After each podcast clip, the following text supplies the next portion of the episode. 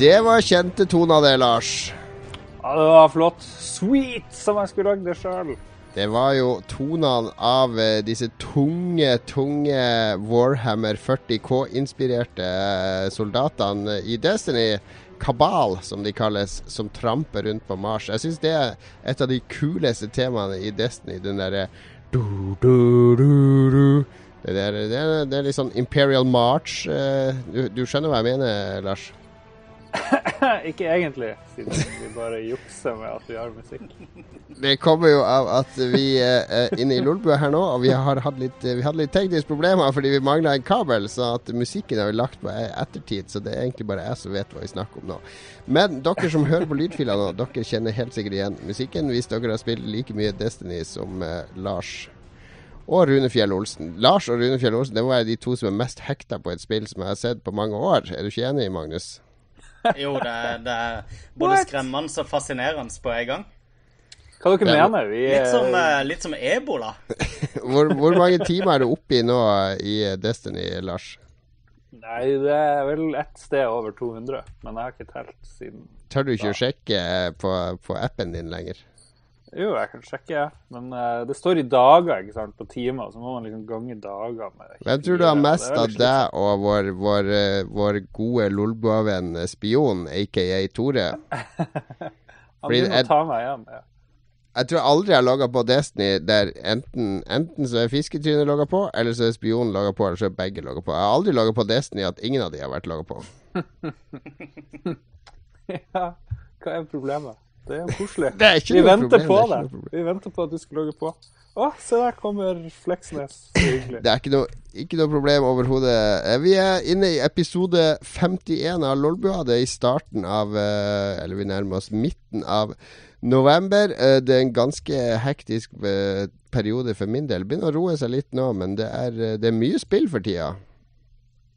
Ja, det begynner jo å bli mye spill man ikke får lyst til å spille når man ser hvor mye bugs det er. Men det er kanskje en nyhet vi har. Så vi får Ja, det kan vi snakke litt om senere. Det er eh, Ja, jeg kjenner det litt, det der motivasjonen du snakker om. For jeg begynte på akkurat det spillet for ikke så lenge siden. Men det kan vi ta litt senere. Vi, eh, vi. vi skal ha en litt avslappa sending, for vi hadde jo en ganske intens sending sist med våre to eh, Gamergate-gjester. Ja. ja. Men det gikk jo greit. Det var litt Ja. lydproblemer. Eh, vi kom vel ikke frem til noen sånn skikkelig konklusjon, men det sier seg jo sjøl, det klarer vi ikke. Men ja, vi hata ikke hverandre når vi var ferdig. Eh, eller dere hata ikke gjestene våre, for jeg var liksom moderator og sto litt sånn i midten. Eh, Du var han der Viggo Johansen på NRK. Ja. Eh, jeg satt i stolen og så lata som at jeg så på hver av dere sånn mm, Så på kamera og OK, ja. Men det var, det var var jo sånn Jeg vet ikke, vi, vi, vi snakka jo om Gamergate, og så klaga de på at uh, ja, vi må, vi må komme til ordet, vi må komme til ordet, og så slapp vi de til ordet. Og jeg følte jo at de hadde ikke så mye å si når de først fikk ordet. Du hørte jo ikke etter hva de sa heller, da, tror jeg. Eller, ja.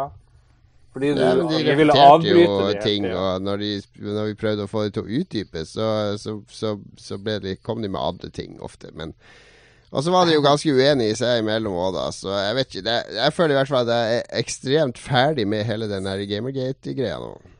Ja, men vi må jo ikke disse gjestene våre. De var kule, de kom. Det er jo vanskelig å få Gamergate-folk til å stille opp, har jeg fått med meg ut i den store verden. De vil liksom ikke De vil være en masse, kanskje ikke være så mye individer. Så jeg syns vi skal gi props og, og helle en skvett øl på gulvet for uh, gjestene våre i forrige uke. Okay. Hell litt øl i gulvet, Magnus. Eh, nei, eh, jeg er mer enig med Jon Cato her. Jeg, jeg føler ikke du trenger å være så diplomatisk lenger nå, uh, mister Gamergate, en gjeng med amøber her. Uh, Ja, men det jeg gått bort fra. Han Ja. har unnskyldt det. Men um, jeg er enig. Jeg, jeg syns vi fikk litt lite ut av det. Men kanskje vi fikk bedre frem hvor eh, hvor ståa var uansett. Da. Altså, jeg føler det, vi, det som ble tydeligst under den debatten, var vel egentlig hvor, eh, hvor spredt alle er i, i hva de syns. Og, uh, i hvor liten grad de egentlig er, svømmer i stim når det kommer til annet enn eh, enn å snakke om akkurat disse angrepsepisodene. For det, der, der, liksom, der var de samstemte. Men idet vi gikk litt forbi hva som har skjedd, og hvilke intriger og hvilke ting som har skjedd, så, så følte jeg ikke det var så mye harmonisering lenger. Så og det er jo gjerne sånn uh, man, man, finner sammen i motstand. Det er jo et, et, et velkjent konsept. Det var et velkjent konsept fra andre verdenskrig. Men folk kan uansett uh, lytte på episode 50 av Lolbua hvis de vil ha med seg hele debatten mellom uh, meg og Magnus og Dennis og Fredrik. Fredrik. Men hyggelige folk var det. Det, det, det var de, og si. for all del. Men uh, sjekk ut episode 50, for her i Lolbua så erklærer vi oss nå ganske så ferdig med The Gate Who Shall Not Be Named, uh, som den uh, skal hete heretter her. Ok. Men hvis det er det han heter, så er det jo nettopp å name han vi gjør. Du, har lest om en annen gate nå, nå denne uka. Har du hørt om Toilet Gate? Ja, det har jeg. Det var jo en, eh, du er jo sjakkinteressert, Lars. Det var jo en skandale i sjakkverden Han som gikk så mye på do under en kamp at de, eh, de trodde han juksa. Ja, han Kramnik og han, var det han Tupolev, var det det? det er meget Kramnik mulig. Og en eller annen fyr. Ja, så gikk han ene på do, og så ble de andre mistenksomme, og så videre. Ja ja, det var stor baluba. Og de snakker vel ikke med hverandre ennå. Så det var litt sånn unikt da de spilte mot hverandre i Tromsø under sjakk-OL, tror jeg. Det var sånn en av veldig få ganger. Hvorfor var ikke du i Tromsø under sjakk-OL, du som er så stor eh, sjakkfan? Jeg vet ikke. Jeg burde jo vært der. Men uh, jeg var der faktisk, og så et sånn Men da var jeg på sånn legebesøk. Tromsø har jo det store sykehuset, så jeg var der, og så så jeg gigantisk sånn der uh, plakat av han hva heter han Kasparov, for han vil jo bli president i sjakkforbundet. Det var litt ja, ja, ja. Det var som å være på EA. Nei, på E3, mener jeg. Det var en liten slip of the tongue der. Apropos uh, The Gator shall not be named. okay. En Gamergate i en slip, som det heter. Jeg hadde også lyst til å være i India på VM forrige gang, men nå når det er i Sotsji, så har jeg veldig lite lyst til å være der. Jeg har ingen, ingen ønske om å dra til Russland, men det, har det, det, har jo vært litt morsomt denne uka her, fordi Eller faktisk eh, helt fra forrige uke, for i helga så sendte vel eh, TV 2 eller eh, Det var i hvert fall e-sportsendinger fra, fra Spillekspo, da. Eh, som gikk på TV, kamper og sånn. Og så begynte det plutselig på mandag, eller var det tirsdag, begynte de å vise finalebordet under poker-VM, da. Der det satt en nordmann, og så viser de jo sjakk nå hver dag med Magnus Carlsen.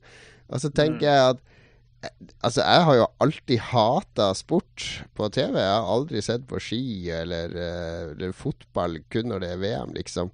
Nå er det plutselig masse sånne, sånne idretter som jeg liker, eller idretter. Det er i hvert fall aktiviteter som de behandler som sport. Altså spille poker og spille sjakk og spille dataspill. Det er plutselig Plutselig så kan jeg begynne å se på sport. Ja. ja. Sjakk vil jo ikke være medlem av Eller en stund ville de være medlem av Norsk idrettsforbund, men så vil de ikke, fordi da kan ikke de her syvåringene spille proft og sånt. Nei, de får ikke lov å reise til utlandet. Var det ikke det som var greia? Ja. Det er noe sånn utenlandsreiser og noe sånt for ja, det var noe, det var noe der i høyre. Men, eh, men mange, så er det jo sånn der Er sjakk sport eller idrett og bla, bla. Det er jo veldig kjedelig debatt. Men ja, ja, det, blir tatt litt mer eh, seriøst. Uh, det er jo litt som e-sportdebatten nå, da. Det er vel nøyaktig det samme. Ja, så det er jo ikke ren underholdning, og det er jo ikke Det er jo en konkurranse, det er jo prestasjoner, og det er jo publikumsbegivenhet. Uh, så, så, om de absolutt skal ha det der, uh, da må de jo kaste ut dart Å da. Dart er jo sport. Ja, det, det er jo mye rart som er som regnes som idrett. Og skyting. De ligger, ligger, på magen hele dagen med et gevær og bare peker på en blink og skyter. Jo, men det er jo en fysisk komponent som du kan trene på, mens sjakk er bare mentalt. Du kan jo spille sjakk selv om du er paralysert hele kroppen. Nei, kan... ikke hvis det er hurtigsjakk. Fikk vi heldigvis det synspunktet på Det hadde du ikke tenkt på, nei. Ja. men jeg du kan sikkert rigge et gevær sånn at hvis du er lam fra overkroppen og ned, så kan du styre det med ja, jo det er likevel fysisk. Jo, jeg skjønner hva du sier. Mm. Så, ja. Han Ja. forsto hva du sa.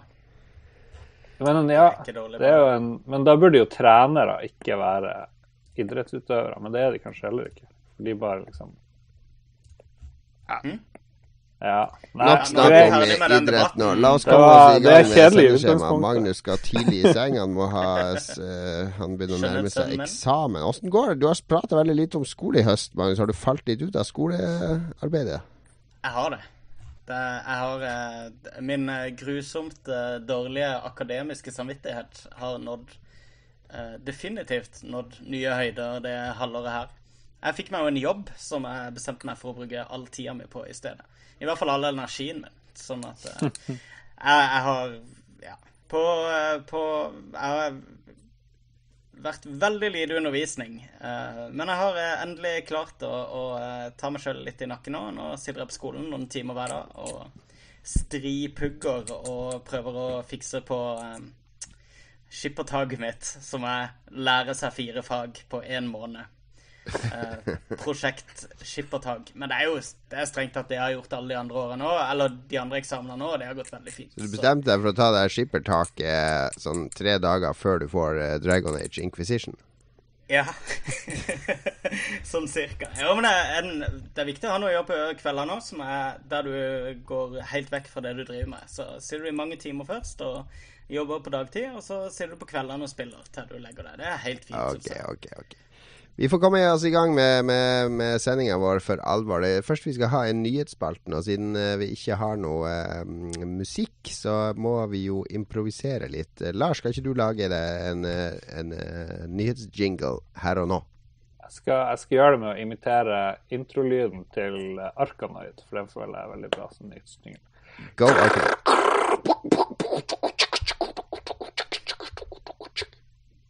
Og så videre. Nyheter med Magnus. Xbox for nordmenn. Etter nesten ett år med det som bare kan beskrives som et shoppingeventyr for norske Xbox-eiere, ser det ut til at det nå er slutt på muligheten til å handle i dollar i Xbox Store. På ingen måte uventa, men vi kan i det minste si at vi nøyte mens det varte. Nøyt og nøyt. Jeg syns det er bra, jeg. Eh, jeg jeg syns det er helt forståelig, i hvert fall. Det er jo ikke bra. Det er aldri bra Ja, jeg, jeg, fordi det her er sånn. Folk har vært i sånn halvveis panikk på forumet. Sånn 'Å nei, nei, vi får ikke kjøpe billig. øh, Kommer til å kjøpe mye mindre spill', og bla, bla, bla.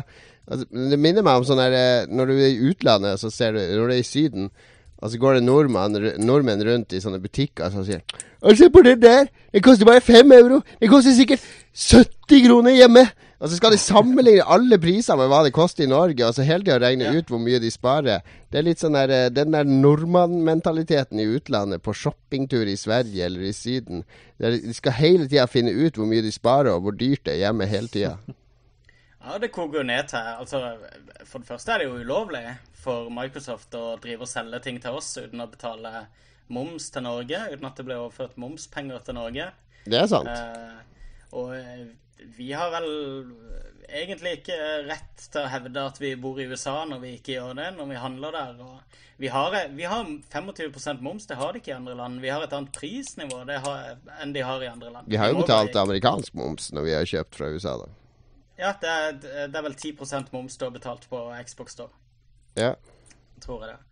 Uh, men da betaler du det til uh, USA, da. Altså det er ingen uh, selv, om, selv om vi kjøper det her hjemme, så eh, det er jo ikke riktig. Det er jo ikke sånn det skal være.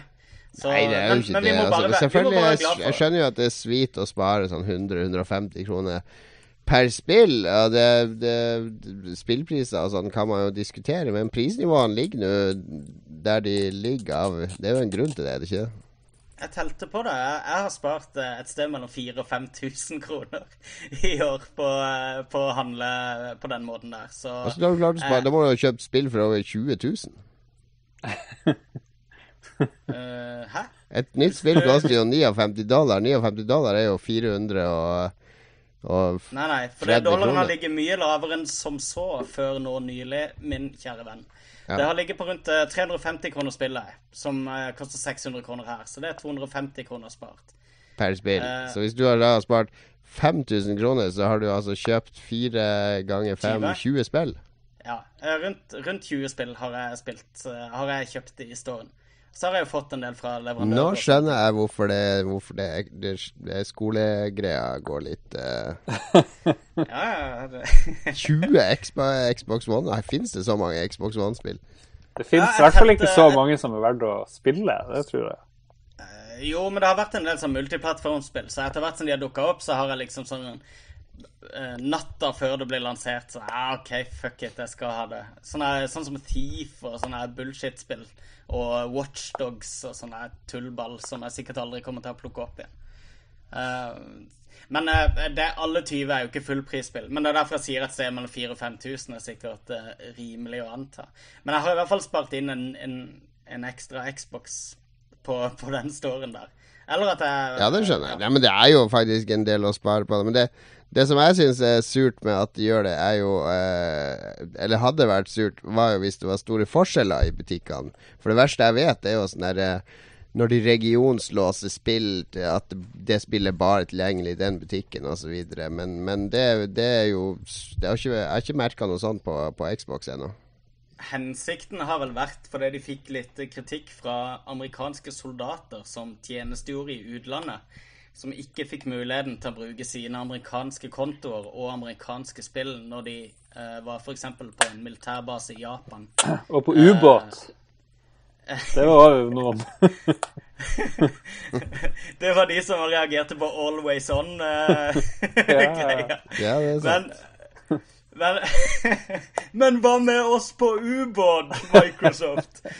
Nei, men det, ikke sant? Men eh, det, det var en del eh, amerikanere som da var i utlandet, som, som ikke kunne bruke eh, kontoene sine. Og det var vel en ting de sa på revealen også, at det skal ikke lenger være et problem for Americans abroad. Eh, men det der med Altså, jeg så jo amerikanere, de handla jo i India. På indisk Xbox Store.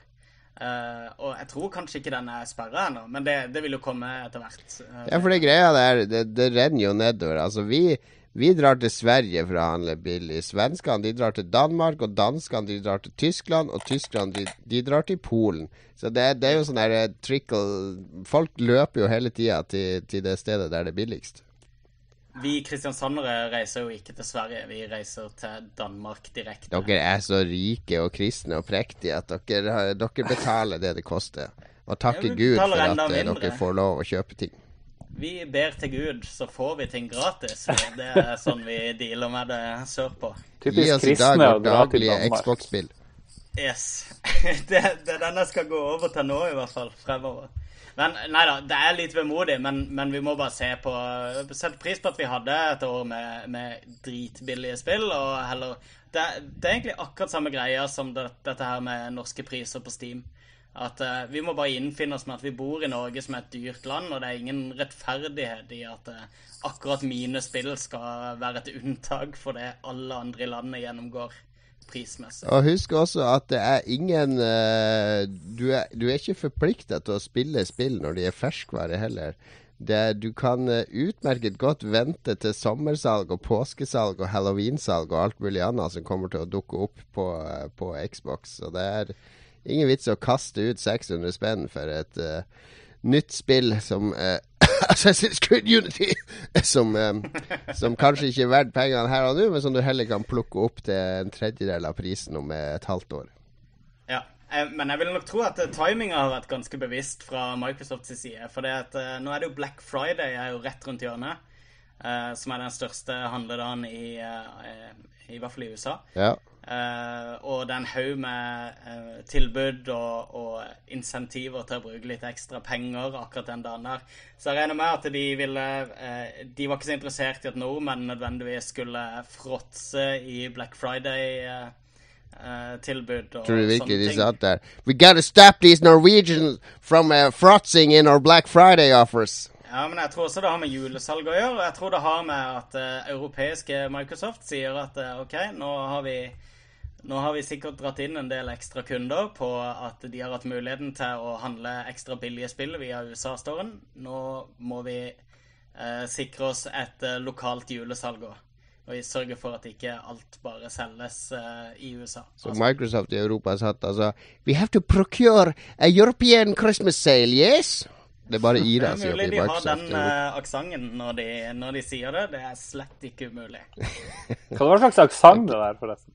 Ja, det begynte britisk, og så det var jo, det var jo Ira. Det var Ira. Microsoft har hovedkvarter i Irland, vet du, i Storbritannia. Var det irsk? Ja. Nei! Jeg er sånn irsk-skotsk. Jeg klarer Hver gang jeg skal prøve å være skotsk eller irsk, så blir det en sånn blanding av uh, alt. Ja, riktig. Men jeg sparer mine invitasjoner til vårt eh, episode 100 liveshow på, eh, på Oslo Spektrum. Da, da, blir det Imitation Night. Nei, har, har, vi noe mer å si om den nyheten her? nei. Nei. Da går vi videre. Du, du, du, Suicidalt Assassin's Creed. Det er ikke bare publikum og anmeldere som har fått med seg problemene med Assassin's Creed Unity. På børsen har Ubisoft-aksjer sunket med hele 9,12% etter at det nyeste snikmordereventyret sjangla seg inn på verdensmarkedet.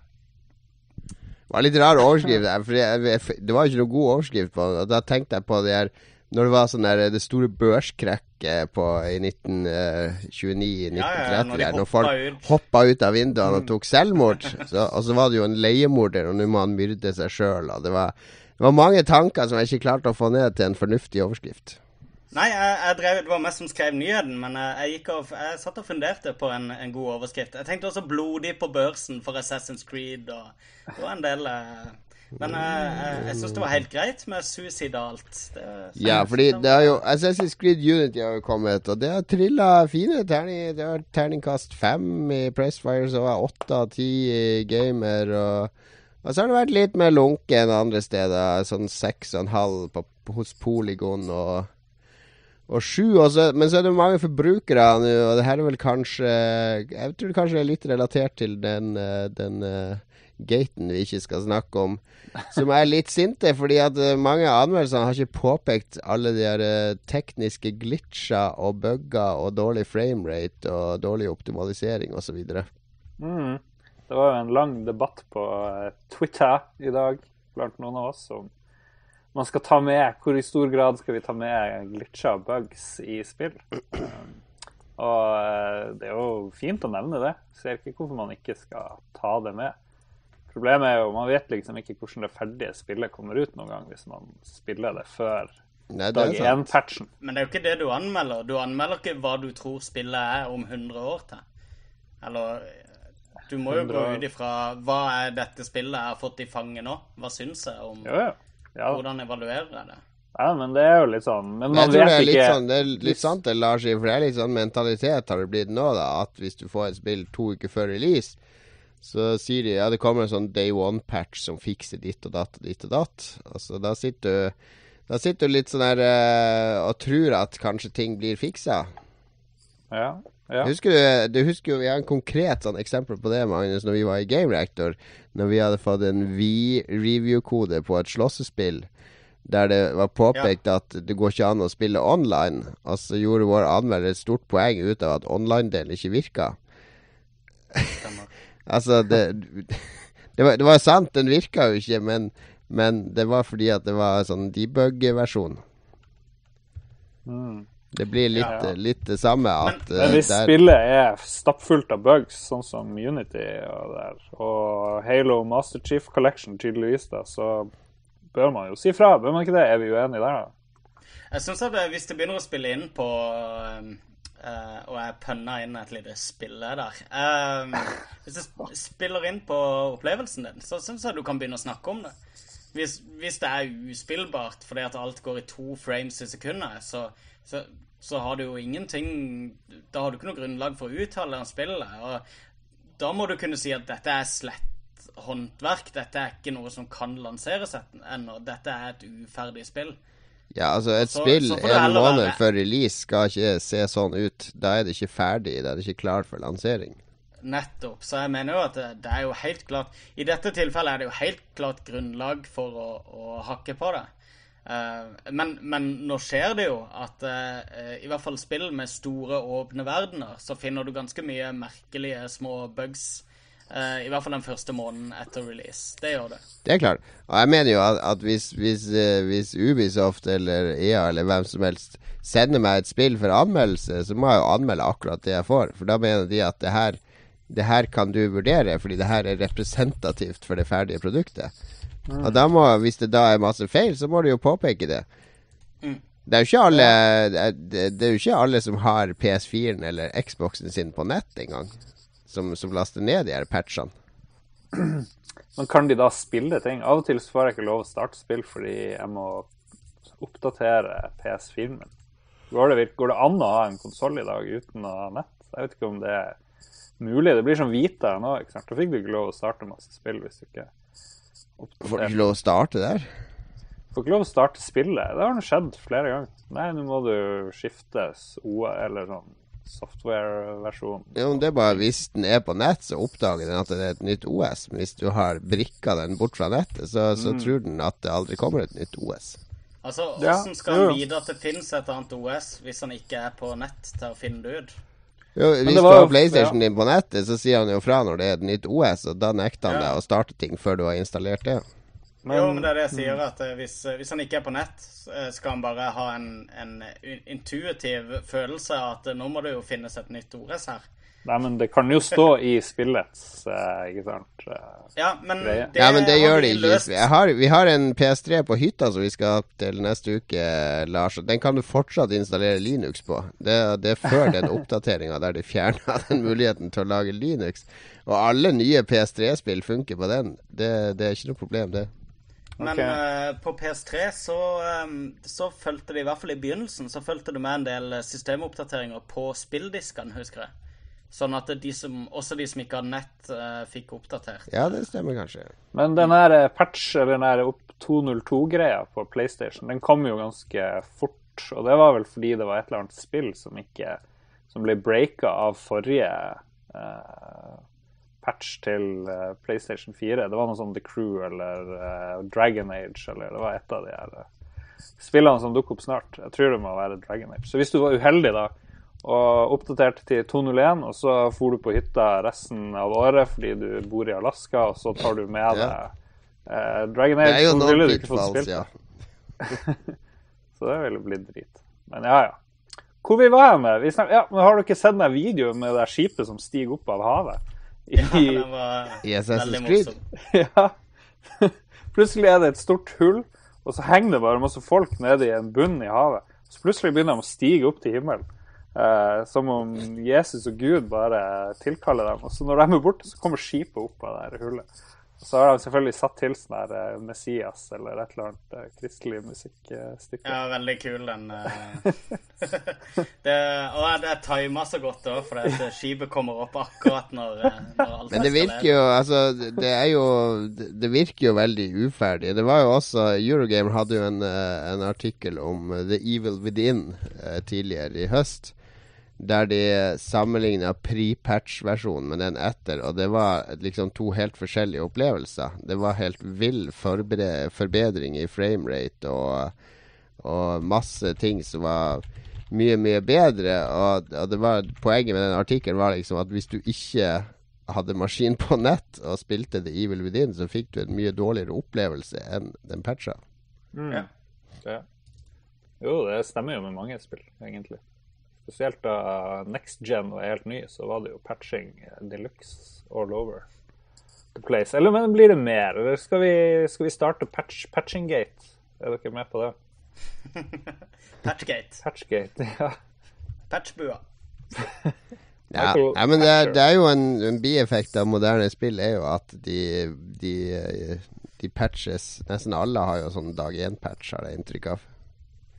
Det er jo et sånn uh, toegga sverd, akkurat det der. For det at på den ene sida så er det jo en positiv ting at, uh, at, vi har internett og mulighet til å rette opp i, i feil i spill. Du husker jo åssen det var på 90-tallet. Hvis det var en bug, så, det, så kunne det kreve ganske mye energi å, å få uh, få patcha spillet, eller få fiksa det og få distribuert ut den patchen osv. osv. Da funka jo spillet. Også. Ja, det gjorde det. Det var jo, det var jo veldig sjelden noe problem. Jeg spilte veldig mye PC-spill på den tida, så jeg må, jeg må, nesten si meg litt uenig i, i akkurat den følelsen. følelsen. På konsoll vil jeg tro at det funka veldig greit på 90-tallet. For det var jo helt klart mye strengere sånn QA på alt. Men eh, jeg spilte mange PC-spill som Jeg husker de patchene som kom til bare Seinest Grim Fandango kom vel i Nå kom det i 99? 98 eller noe? Og der var det, der var det patcher som fiksa deler av spillet der du kunne bare sitte fast og aldri klare det, og savegamet ditt var ødelagt, liksom. Du må huske... huske Masse game-breaking bugs i, ja. i, i, mye spill på den tida. Men det var mye mer PC å fikse patcher til det. Så sånn det er PC-pesten som har ødelagt konsollene, det du sier? Ja. Nei, men det jeg sier, er at Absolutt. det er en bra ting at, vi, at det er mulig å gå inn og liksom og fikse på Jo, men det er bra med formål, altså. For jeg vil gjerne, ja, jeg vil gjerne se statistikk siden. over hvor, hvor, mange er det som jobber med gametesting nå i forhold til på 90-tallet, når konsollspillene måtte være Det er ingenting som er helt bugfritt, det er det ikke. Men det, de måtte granske de ekstremt mye mer nøye før de sendte de i trykken. Hvor, ja, hvor, har, de, har, det vært store nedskjæringer i det? Jeg føler nesten av og til at forbrukerne sitter som siste instans i, i QA-avdelinga.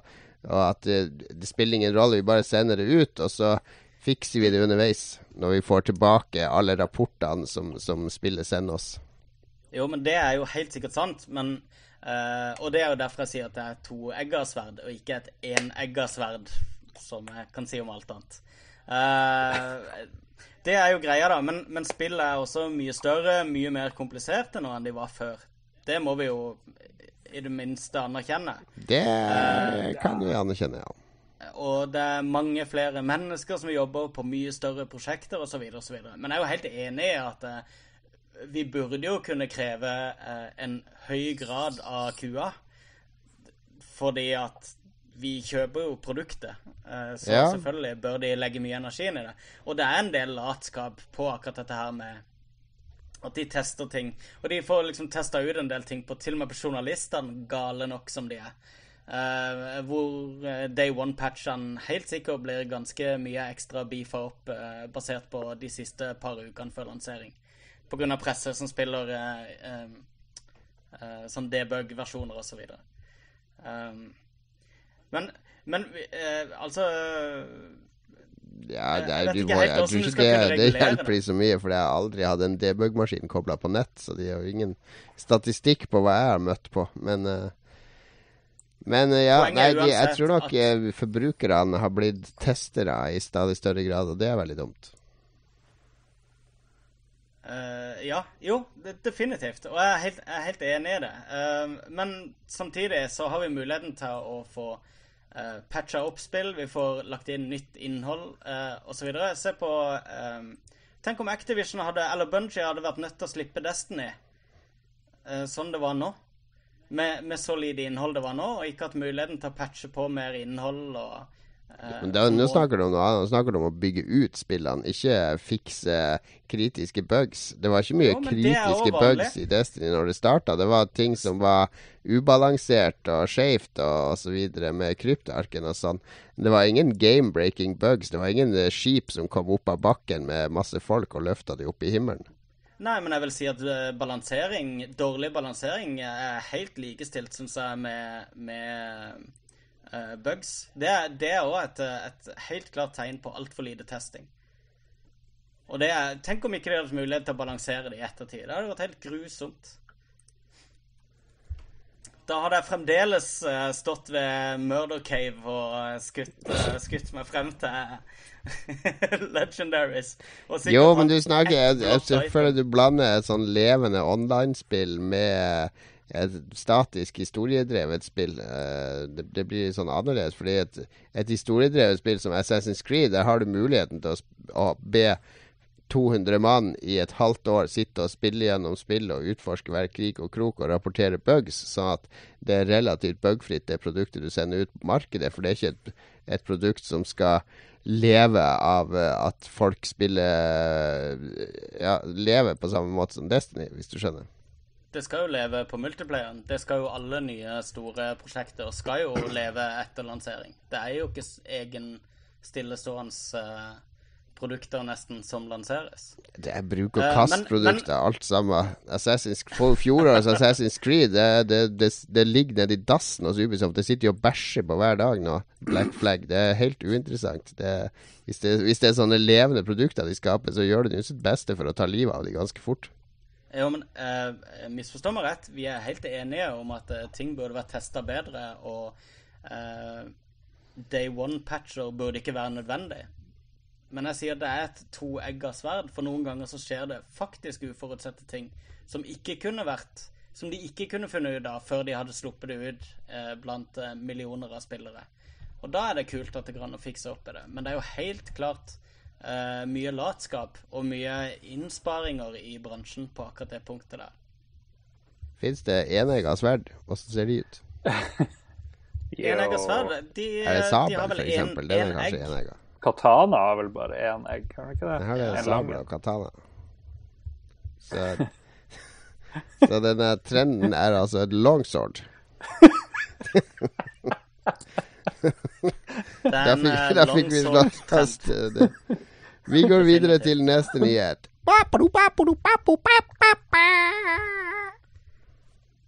XCOM Enemy Within på mobil i morgen. Et av Lolbuas favorittstrategispill, XCOM Enemy Within, dukker opp til nettbrett og mobiler i morgen. Det er bra. Vi har nemlig ingen spill å spille for tida, og trenger noe å holde på med frem til jul. Å, å, satire og sarkasme. Det er Lolbuas trademark. Nei da, det er ikke egentlig Vi mener det motsatte. Du må si det med Du må ta sånn anførselstegn når du sier sånne ironiske ting eh, fra nyhetene, Magnus. Ja, for dette er jo video, så Ja, nei, men XCOM Enemy Within er jo helt fantastisk. Det har jeg spilt eh, en god del på PC. Faktisk så er det et av de spillene som jeg har lyst til å ta pause fra alle andre spill og bare spille i en uke, liksom. Og nå, eh, men, men så orker jeg ikke siden Jeg har ikke orka siden jeg er på PC, fordi det er litt Litt ork å spille på PC, da må jeg stenge familien ute og lukke døra osv. Men når Og så har jeg jo det forrige på iPad, men det er det forrige, så det mangler Enemy Within gjør det har legger til ting som, som forbedrer det forrige spillet på alle måter. Så har jeg liksom ikke gidda å spille det forrige på iPaden. Men nå når det her kommer på iPaden, så kan jeg endelig sitte nede i stua med ungene øh, og kona og alt, og spille Enemy Within virkelig i dybden, som jeg har lyst til. Helt klart. Um, jeg spilte jo Enemy Within uh, Expansion i, um, i sommer på uh, 360. Og ja, det fresha opp uh, spillet. Det var nesten som å spille et nytt spill. Nesten. Uh, og jeg satt og ønska at det var første gang jeg spilte det, istedenfor femte gang. Så, uh, men uh, jeg også har For det, der snakker vi òg om, om game-breaking bugs i iPad-versjonen av Enemy Unknown, som det heter opprinnelig. Det var, det var helt uspillbart i mange måneder etter at det ble sluppet. Det var helt grusomt. Så jeg har det fremdeles installert på iPaden, men jeg har liksom ikke gidda å, å prøve meg, selv om jeg leser at de har eh, balansert ut disse bugsene i etterkant. da. Så med Enemy Within, gi det en måned eller to, så er det sikkert spillbart, det òg. Nei da, det er spillbart med en gang. Jeg skal finne ut av det i morgen. Ja, det, det håper jeg. For det at uh, hvis du spilte Enemy Unknown i løpet av den første tida, så hadde du vært uh, ganske enig med meg om å være litt forsiktig akkurat her. Kanskje, kanskje. Lars, du er så stille. Sitter og spiller Destiny eh, mens, mens vi har podkast, eller hva er det du holder på med? Jeg driver og er sosiale medier-mann, og vi hadde veldig få spørsmål, så jeg liksom ba om å få spørsmål, og nå har det bare rast inn på Facebook-sida vår. Kanskje fordi vi har fått så ny fin logo, Magnus? Du har Ja, blitt eh, du, det her, Vi må være litt bedre forberedt. For nå blir du relegert til hun der dama på de sjakksendingen sjakksendingene til VG. Hun som sitter med sånn, får sitte i hjørnet av sofaen med sånn laptop. Og så sitter de andre og prater sjakk, og så kommer hun inn med sånn her, Nå er det en lytter her på Twitter som lurer på hva, hva tenker Magnus når, når han sitter på do? Og, sånn, det, og, og bare, hun er bare sånn rolle med å plukke opp de dumme Twitter-meldingene. Det er veldig greit, for når dere prater i ti minutter om eh, samme tema, jeg blir litt lei, kan jeg liksom gå og sjekke ut hva Da er det din jobb å skjære igjennom og tenke Da må Jo du da. være lytteren. Ja. Ikke sant? Når to diskuterer, så må han tredje være litt sånn lytteren og tenke Blir lytteren lei nå? Blir det for mye? Blir det for dypt? Blir det for grovt? Og så, og så kutter. Nå! Nå, karer, nå går vi videre. Det, det, Man må ikke overlate alt det til meg hele tida. Nei, nei, nei, nei. Det er et felles ansvar, selvfølgelig. Men eh, jeg var kanskje Det var mest humor, den, den greia. Men dere kan av og til kjøre på lenge. Ja meg og Magnus, vi kan eh, Vi skal jo Vi, vi har jo drevet og snakka om å sette verdensrekord i podkast i Vikingskipet til påsken. Og det, det er jo meg og Magnus som kommer til å bære korset, tror jeg, opp Golgata der. Ja. Mens Lars dilter etter og løfter litt av og til. fordi dere er jo Til sammen er dere som han der Lahlum, egentlig. Hvis man slår dere i hop, så er det Vi, Lahlum er- vårt kjærlighetsbarn. Jeg vil si vi er en og en halv Lahlum hver av oss. Kanskje. Kanskje. Vi har, vi har i hvert fall én siste nyhet, og den er eksklusiv. Det er, det er breaking. Det er Lolbua som breaker en spillnyhet. Nå er det bare dere 17 Nå ble 18. Det hørte det, det kom, jeg sa det ble breaking news, og kom det en lytter til. news! Det her er ingen som vet, bortsett fra oss. Kjør på, Magnus. Lolbua Exclusive. Grim Fandango-musikken nyinnspilt. Kilder tilknytta produksjonen av den nye utgaven av Grim Fandango har fortalt oss at musikere var i studio forrige uke for å spille inn soundtracket til spillet på nytt. Det opprinnelige soundtracket var en blanding av midi og ekte musikkinnspillinger. Soundtracket i det nye spillet vil bli spilt inn av et ekte orkester. Bre breaking news! Nå skulle vi hatt en sånn her eh, På videoen her skulle vi hatt sånn her Sånn som Fox News, de har sånn her svær grafikk nederst som ruller forbi sånn her eh, alert, og breaking og Men ja, det, det var en nyhet som jeg fikk eh, på Spillekspo, fordi det, det er en som heter Simon McCallum, som er lærer på Gjøvik, eh, Høgskolen i Gjøvik i spill, og som også er involvert i 100 millioner sånne spillprosjekter over hele verden. Og han har en venn som heter Jory Prym, tror jeg, som, som er eh, han, eh, han er lydmann. Han jobba i LucasArts i mange år som lydmann. Eh, så han eh, har da vært i studio og fortalt av meg da kom akkurat fra San Francisco, der de hadde spilt inn med sånn der ragtime-orkester, eller, eller hva det var for noe, hele Grim Fandango-soundtrack på nytt. Ja. Til den nye eh, nyversjonen av eh, Grim Fandango. Til å være en som uh, egentlig ikke er så opptatt av spill-soundtrack som, uh, som dere to eldre uh, Lolbua-medlemmer er. Nå er det ordna sånn ticker, jeg bare, sånn at det er klart. Hva er er det som skjer på Det er sånn ticker, hvis folk ser den, så her er sånn en sånn, Det er sånn ticker rulle nå. der. Det er, oh, ja. ja. ja. Da har vi det òg. ja ja, herregud. Vi har jo alt nå.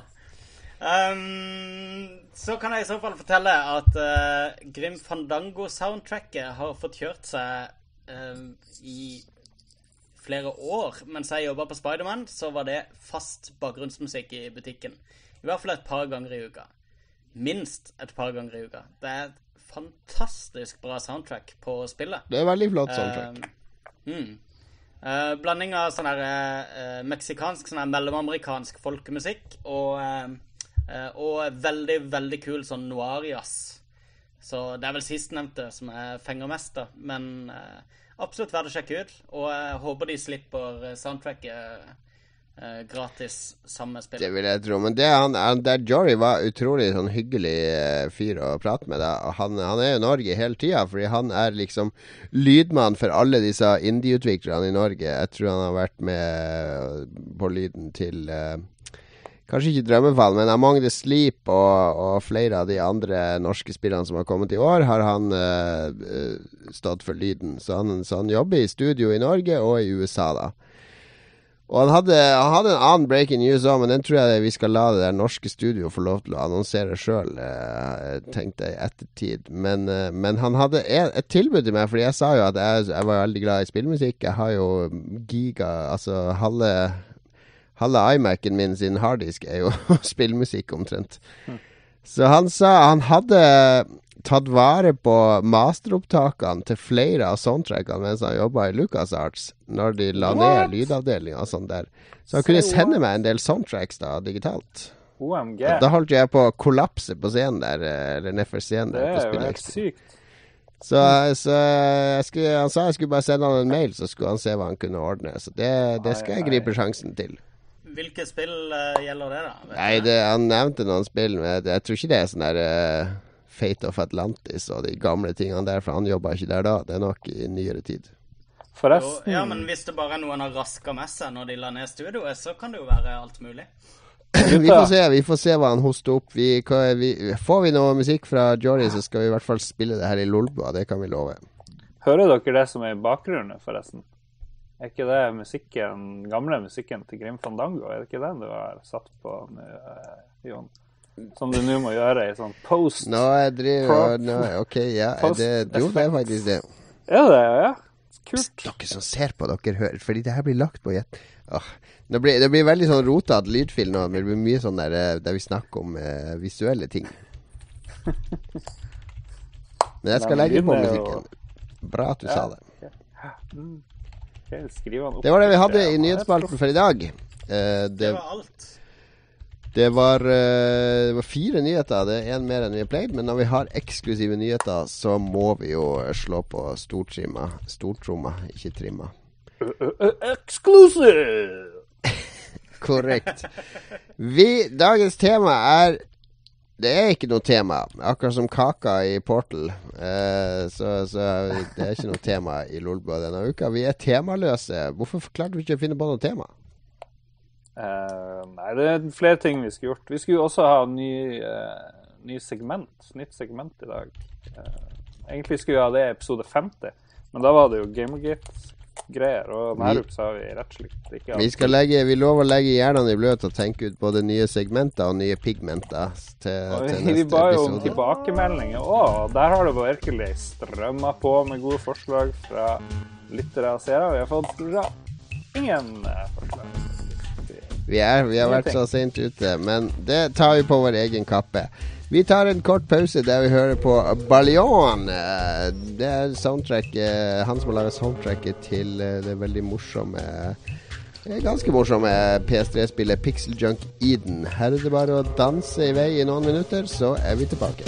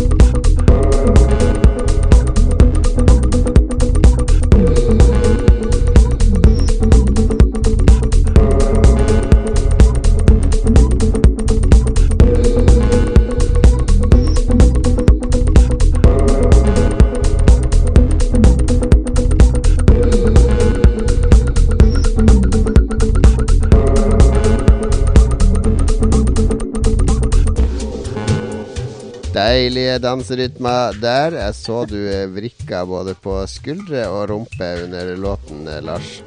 Ja, tok av meg klærne òg. Det var det så jeg ikke.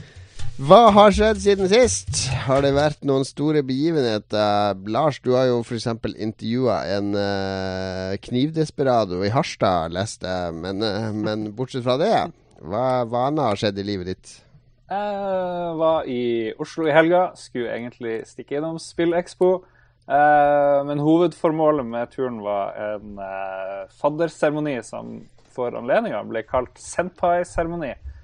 Fordi eh, piratpartileder, kompisen vår, han Øystein, har fått et barn. og da han gifta seg, så hadde han en zen-ateistisk prest. Og nå når han skulle ha sånn dåp og fadderting, så ble det da en senpai-seremoni.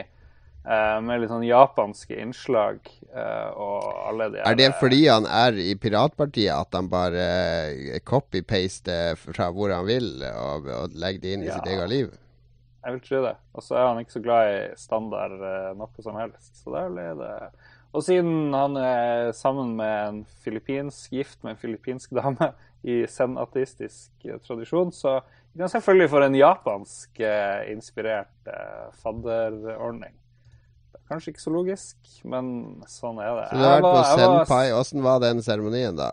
Nei, det var jeg som hadde ansvaret for det, sammen med en zen-buddhistisk, zen-ateistisk, unnskyld, prest. Så jeg stilte opp med Fikk ikke du òg Jon, en sånn her uh, japansk sånn der uh, headband-skit med sånn greier uh, da jeg var i Japan? Jeg ga det i hvert fall bort til folk. Det var en Ja, det har, det har forsvunnet i så fall. Det kan godt hende jeg fikk Ja, i hvert fall en kompis han hadde tatt vare på det, så jeg fikk låne det. Så jeg gikk rundt der og så litt sånn Karate Kid eh, light-aktig ut. Og så Nei, det var Jeg begynte selvfølgelig med Akira-musikken, siden jeg ikke liksom kunne gjøre hva jeg ville.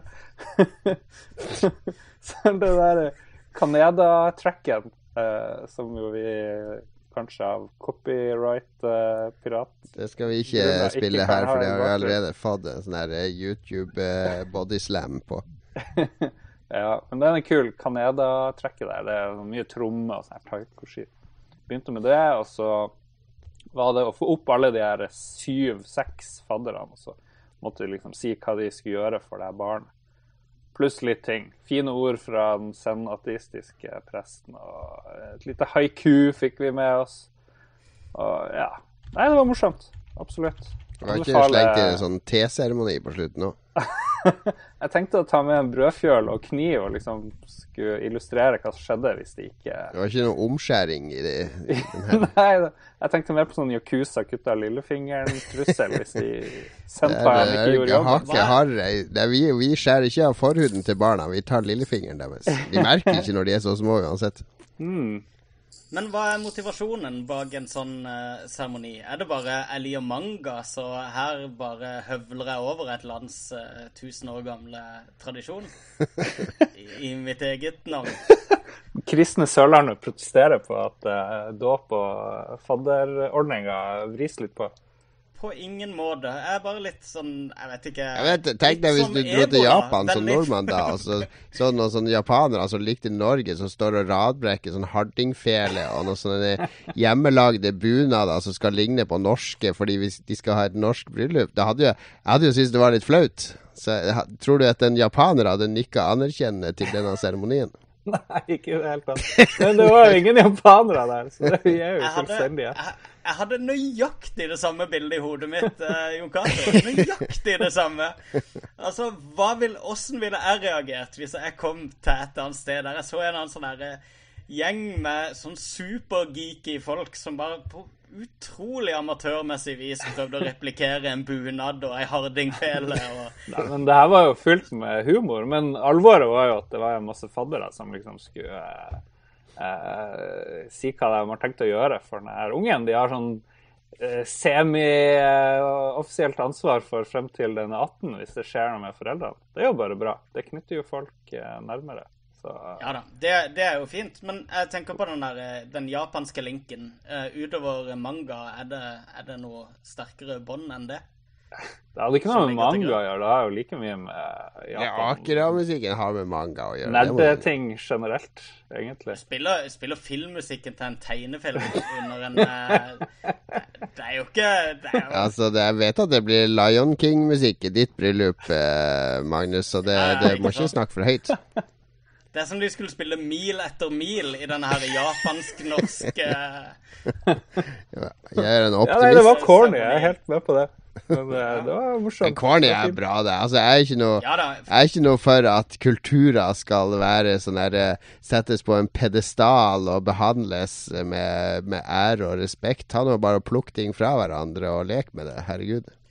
Ja, eh, selvfølgelig, hvis det er målet. Men eh, hvis en da prøver å, å replikere noe som, som innebærer en, en del tung symbolikk som faktisk henger sammen, da, for å, for å fortelle noe og for å, å skape et eller annet, så, så bør en i hvert fall ha kunnskapen, da. Nei, men vi å- kopierte jo ingenting. Det er jo ikke noe som heter senpai-seremoni Ja, de det var lagde Det var jo det vi, jeg gjorde med vårt Ja. bryllup, at vi lagde noe som var helt vårt og eget.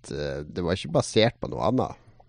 Nei. Uh, Og i Norge så har vi jo ikke noe særlig tradisjon av ha noe fadderseremoni, så jeg syns jo det her var en slags eh, et skritt fremover, egentlig. Ja da, morsomt det. Jeg tror, jeg tror det har med min eh, kanskje mer begrensa interesse i eh, japansk popkultur eh, å gjøre. At jeg klør meg veldig i eh, hodet over eh, utforminga. Men det er gøy. Gøy med litt sånn farve. Det har, det har med din inneboende interesse for å gjøre narr av alle som er opptatt av japansk popkultur å gjøre, Magnus. Syns du jeg gjorde det? Syns du jeg gjorde det nå? Ja, men det er, en, det, er ikke, det er ikke eneste forekomst, men det kan vi snakke om en annen gang. Ja, det, det er en del av et større mønster, men jeg syns akkurat her så syns jeg jeg forbedrer Eller jeg klarte å oppføre meg, og, og jeg syns jeg klarte å, å gå Ja da, ja da, du har oppført deg pent. Du har oppført deg pent. Ja. Lars, Ja, hva er det forresten- noe mer enn den Oslo-turen som du har å dele med oss? Ja, så den der eh, filmen Fury på, etter jeg kom hjem fra Oslo på søndag. Hva slags var- film er det igjen? Er det med Brad Pitt? Ja. I andre verdenskrig, om de her folkene i tanks på slutten av andre verdenskrig. Jeg trodde det var sånn film om sånne uh, furries, men det er det er andre verdenskrig, altså. Ja, det, det var lite furries. Men den var kul. Jeg fikk med uh, en gang lyst til å se eh, 'Jakten på rød oktober' og andre filmer hvor folk er stengt inne i små rom, for det er jo ganske virkningsfullt, eh, det der. der. Tenk å sitte i en tank så du vet at okay, der borte er en sånn tigertank som er mye sterkere enn din. Og hvis de får et godt hit, så er du bare fitten drage, fordi det bare koker. Hei, hei, hei der greia. Ja. Nei, men jeg anbefaler den i hvert fall. En kjapp uh, anbefaling. Jeg skulle òg egentlig få se den her eh, andre filmen som hadde premiere. Interstellar. Science fiction-greia, ja. Men den har jeg ikke fått sett. Så hvis dere har sett den, så må dere eh, tipse meg om jeg bare skal styre unna eller ikke.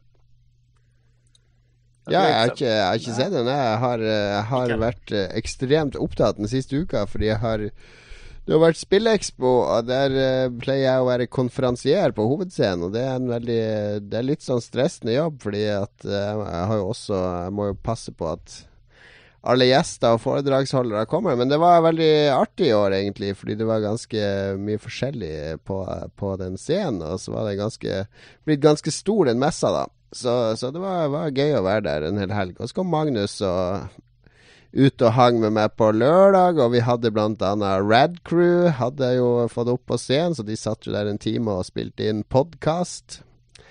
Det var artig å se de live spille inn podkast, Magnus, var det ikke?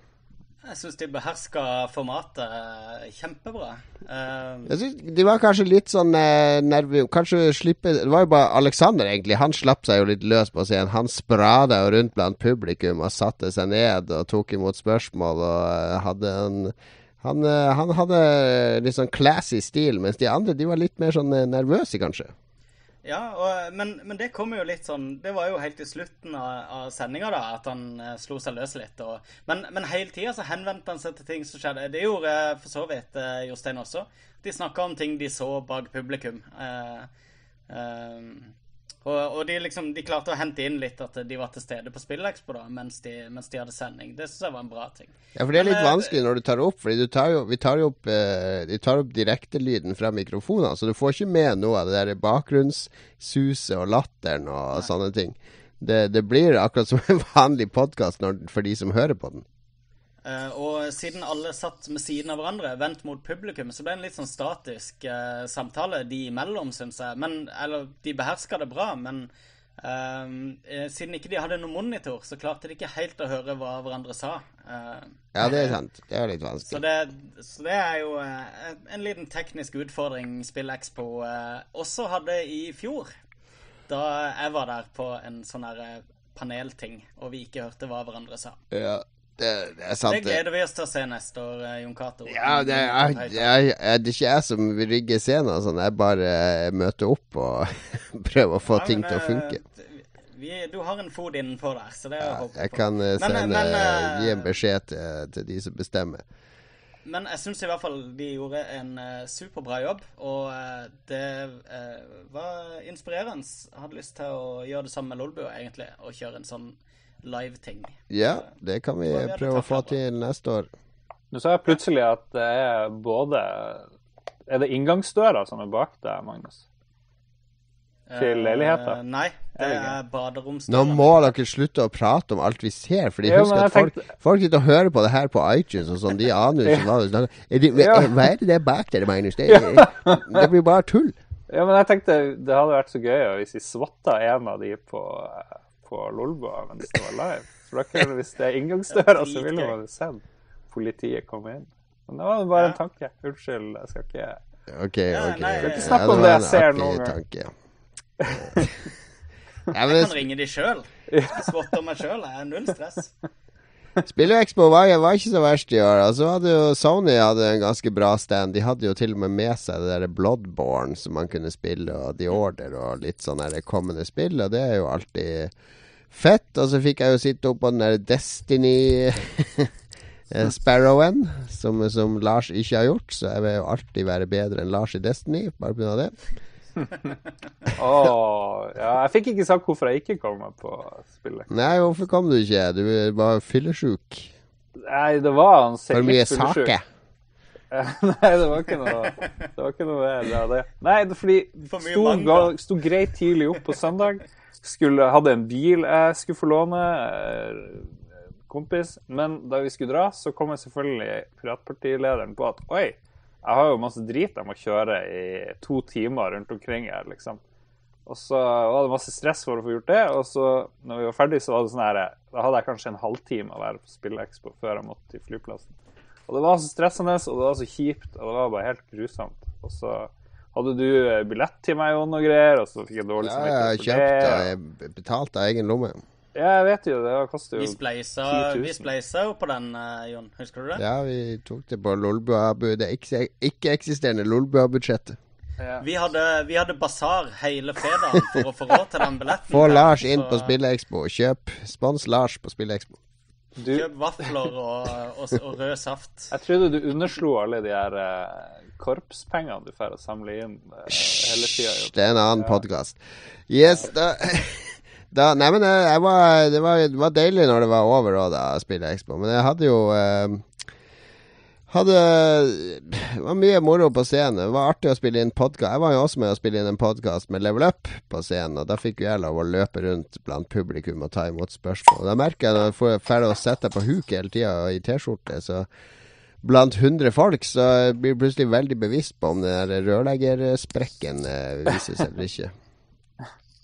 Ja. Eh, Har du kommet med noen bilder? At eh, den, du sørga for at den var synlig hele tida? Ja, ja, jeg tror jeg segga ekstra ja. mye. Og du hadde sånn fin sånn lysegrønn T-skjorte på deg, i hvert fall en, den dagen jeg var innom. Ja, det, det er hulkenskjorta mi.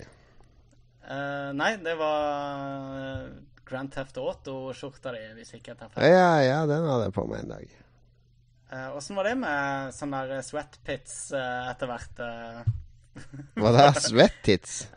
Ja, nei, sweatpits. At du fikk sånn svettemerker etter hvert. Jeg tenkte det er en dårlig kombinasjon. Nei, det er sånn luftig skjorte, så det går bra. Det, det, det er tettsittende som det blir sånn på. Det, så jeg, er ikke, jeg er ikke sånn svetter. Jeg svetter ganske lite.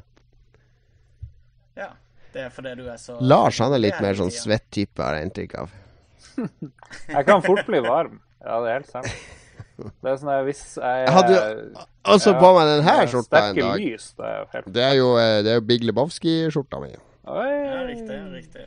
Nei, nå blir- nå er det jeg som begynner å snakke om det visuelle Ja, nå er du null bedre Det her Det blir tidenes dårligste lydfil. Jeg tror vi må, vi må redigere ned på en sånn her ti Her, minutters her er det snakk om en dag med redigering for å få det her hørbart. Nei, det går bra. Velkommen, ha det.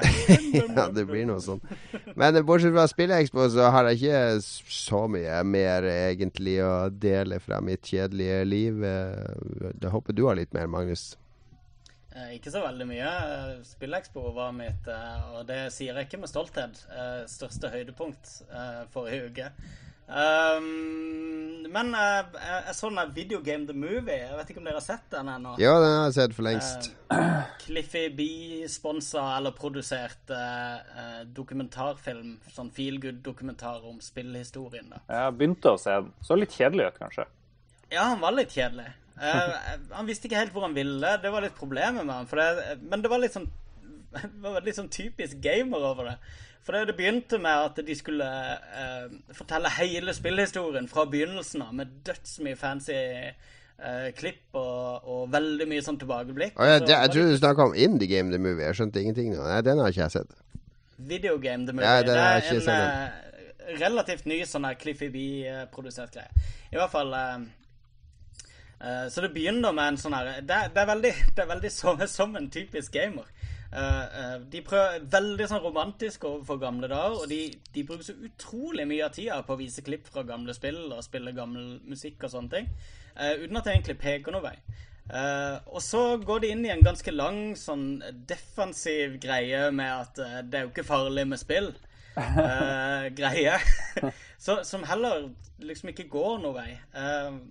Og så Men de har, de har fått tak i en hel haug med eh, sentrale spillutviklere som uttaler seg, som forteller om eh, Altså helt tilbake til begynnelse, til eh, de største akkurat nå. Um, og forteller om uh, sine opplevelser, og du får en del uh, en del kul uh, trivia-kunnskap underveis. da. Men, men filmen er veldig rodete, og, og han vet ikke helt hvor han vil. Uh, egentlig litt sånn som meg, som beskriver han akkurat nå. Um, Ja. Fordi en dokumentar sånn- bør jo egentlig fortelle en produkt historie. Uten noe sånn, det var liksom ikke noe sånn narrativ. Ja. Uh, så, så det ble bare sånn her eh, sånn, sånn hyperaktiv film som bare prøvde bare å prakke på det og bra det var med spill, på en måte. En god dokumentar har vel gjerne en historie den vil fortelle. Den vil ikke fortelle hele verdenshistorien. ikke sant? Du må Ja, gripe tak i en eller annen hendelse. Hva er et tema? Et sånn overhengende tema? Eller i hvert fall kan ha flere tema da som du svinger gjennom, da. Men det må være en slags rød tråd. Ja, men det var den der Det er jo ikke farlig, og så er det jo sport. Og så eh, eh, 80-tallet, vet du. 80-tallet. Da var ikke grafikk så viktig. Og så eh, Det høres ikke ut som noen har lyst til å Det har jeg mer lyst til å se den der Blizzard World of Warcraft-dokumentaren som de lanserte nå under BlizzCon. Ja, den skulle jeg egentlig sett i går. Den glemte jeg helt å se. Den eh, har jeg gleda meg til å se.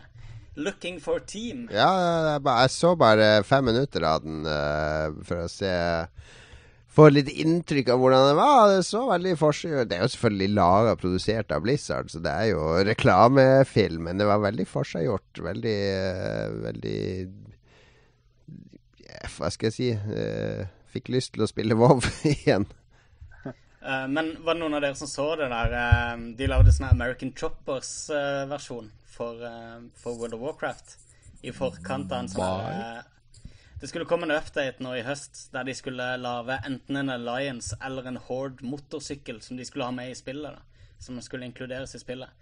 Og så konstruerte de sånne American Choppers eh, sånn, jeg vet ikke, seks-syv episoder. da Der de første episode så sa de ehm, Men uh, dette har vi ikke sagt ennå, men uh, dere får ikke tolv uker på der. Dere får tre uker. Og oh my god, vi har så dårlig tid! Og, og det, det var veldig sånn oppkonstruert uh, drama, da. Og, um, og de fikk prøve World of Warcraft, og alle de der gangsterne i eh, eh, de der Orange County Choppers. Alle syntes det var dødsgøy å spille World of Warcraft og sånn. Så det, det var i hvert fall veldig, veldig kleint, syns jeg. Men det er jo i natt den er- kommer, eh, den der expansion. Den kommer jo nå i er det klokka straks? tolv, eller jeg vet ikke hva til det er.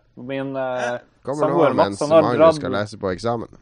ja, han, Min eh, samboer her han har jo dratt med seg en kompis, og nå er det to PC-er inne på rommet til han Mats, hvor de skal eh, sitte og spille hele Jeg tror han, han planla å spille ti timer for å nå level 100 eller et eller annet sånt. Så det her er det seriøse, seriøse greier. Men det har vært veldig lite om det i, på de spillnettsidene og sånt. At det er i dag eller i natt eller hva nå enn det Jeg er. så uh, Kotaku hadde en sak nå med sånn der samling av spillere. Jeg så det bare på Facebook. Jeg så han Bashiok, som er community WoW manager, community manager, hadde posta på Facebook, nei, Twitter tidligere i kveld bilder av Collectors Edition og den vanlige, som han hadde på kontoret nå. Ja. Men jeg tror det er mange rundt omkring i Norge som har tatt seg fri fra jobb i morgen. Det er gøy, det. Spill WoW. var bare morsomt. Ja, det er, fakt det er et knallspill som fremdeles er ganske fresht. Ja, men er det bedre Eh, enn men- Destiny, Magnus? Nei, så det, er, det er så Vi skal mye ikke inn, vi skal ikke inn på den diskusjonen. Det var et uh, retorisk spørsmål. Eh, not, egentlig, men eh, det var, var eh, bare en eh, provokasjon slengt ut der. Uten, det var en krok uten agn. Det var ikke meningen at noen skulle bite på den. Eh, Vet dere, vet dere forresten hvilken annen dokumentar som kommer snart? Fortell. Eh, Den her Microsoft-betalte greia hvor de graver etter ET-spillene, kommer 20.11. på Xbox Live. Uh, Oh, den, ja. Ja. Ja, riktig. Kanskje vi ser vår venn eh, Larry uh, Hrib, eller hvordan han uttaler det. Lulleblur. Lolblur, eh, Lolblur, den evige Lolblur-venn. Major Nelson, han er vel med i den filmen, tenker jeg. Ja da. Vi må snakke litt om hva vi har spilt i det siste. Og eh, hvem, hvem har lyst til å begynne? Magnus vil begynne. jeg har kanskje den eh, kjedeligste lineupen gangen. Ja, det vil jeg ikke si, men du kan gjerne begynne. Ja, um, jeg har spilt uh, Halo. Vi kan snakke om det nå, kan vi ikke det? Jeg Snakk i vei, det er jo lansert. Eh, Ja, det er det vel. Eh, du vet, eh, bransjen er så blasert, liksom, så jeg får ikke med meg sånn. Jeg har hatt det i mange uker. Nei da.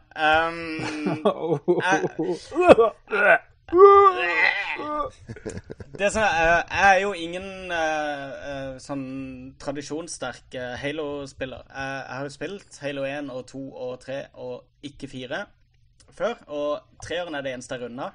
Eneren spilte jeg første tre timene ganske mange ganger da vi fikk demomaskin på Akosmik i sin tid, før lansering av Xbox. Eh, og Halo 2 syns jeg var ganske drittkjedelig, egentlig. Um, jeg merker å spille det igjen nå Det er litt kult å spille det, for det er jo en del år vi snakker med uh, spillhistorie. Og Halo-spillerne har jo alltid drevet og stanga hodet i um, kvalitetstaket, da, eh, hva skytespill angår, hver gang det kommer et nytt spill. Så det som var litt gøy med å spille, var å spille disse um, gamle spillene med gamle, de gamle kontrolloppsettene og de gamle eh, brettdesignene og sånne ting. Og observere det gjennom ikke uutholdelige omgivelser, da. For de har jo fiksa opp skins og oppløsning og sånne ting. Um, og- det er nesten litt sånn sjarmerende å være tilbake. Og husker du at hodet ikke hoppa opp og ned når du løp i korridorer før? ikke sant? Altså Du bare seiler rundt som en sånn her shufflepuck uh, på brettene. Um, Det ser helt weird ut uh, når jeg spilte Halo 1 på nytt i den pakka der. Ja, det var helt merkelig. Men, men det er greia da, med at du får liksom Du får kjenne på hvor sykt langt vi har kommet i, i utviklinga på skytespill siden Halo 1 dukka opp. da. Og det i seg sjøl var jo et sånn kvantesprang for shootere. Um, og derfor så Det å spille først eneren, så toeren, så treeren, så fireren uh, gir en Det gir en sånn rask sånn her eh, påminnelse på, på uh, eh, på utviklinga i skytespillsjangeren, egentlig. Eh, når det er sagt, så syns jeg fremdeles ikke det er så veldig kult. Jeg, jeg syns storyen i Halo er dørgende kjedelig. Den er kjedelig og veldig forvirrende når du kommer etter ena, ikke sant? For da går det helt amok. Jeg skjønte aldri hva som skjedde da jeg begynte med trea, for jeg gidda ikke fullføre toa. Og jeg klarte i hvert fall ikke å fullføre tre. Og så når jeg skulle spille fire, så skjønte jeg enda mindre. Men ja, Men det det koker ned til, så er jo liksom Altså, denne Master Chief Collection Hvis du hvis du har uh, sterke følelser for de gamle spillene, og uh, spesielt de gamle brettene da, i multiplayer, så, så ser jeg absolutt poenget med å, å eh, kjøpe seg tilbake der eh, med ganske heftig pakke med spill og med innhold. Eh, Men, men, Men du spilte du- med det originale knappeoppsettet, og det, jeg fikk jo dobbeltsidig tommelscenebetennelse av å spille Halo 1 på de her gigantiske Xbox 1-kontrollerne. Og når du skulle zoome, så måtte du liksom trykke inn den ene greia. Så jeg husker ikke hva det var, trykke inn den andre, men det var helt grusomt.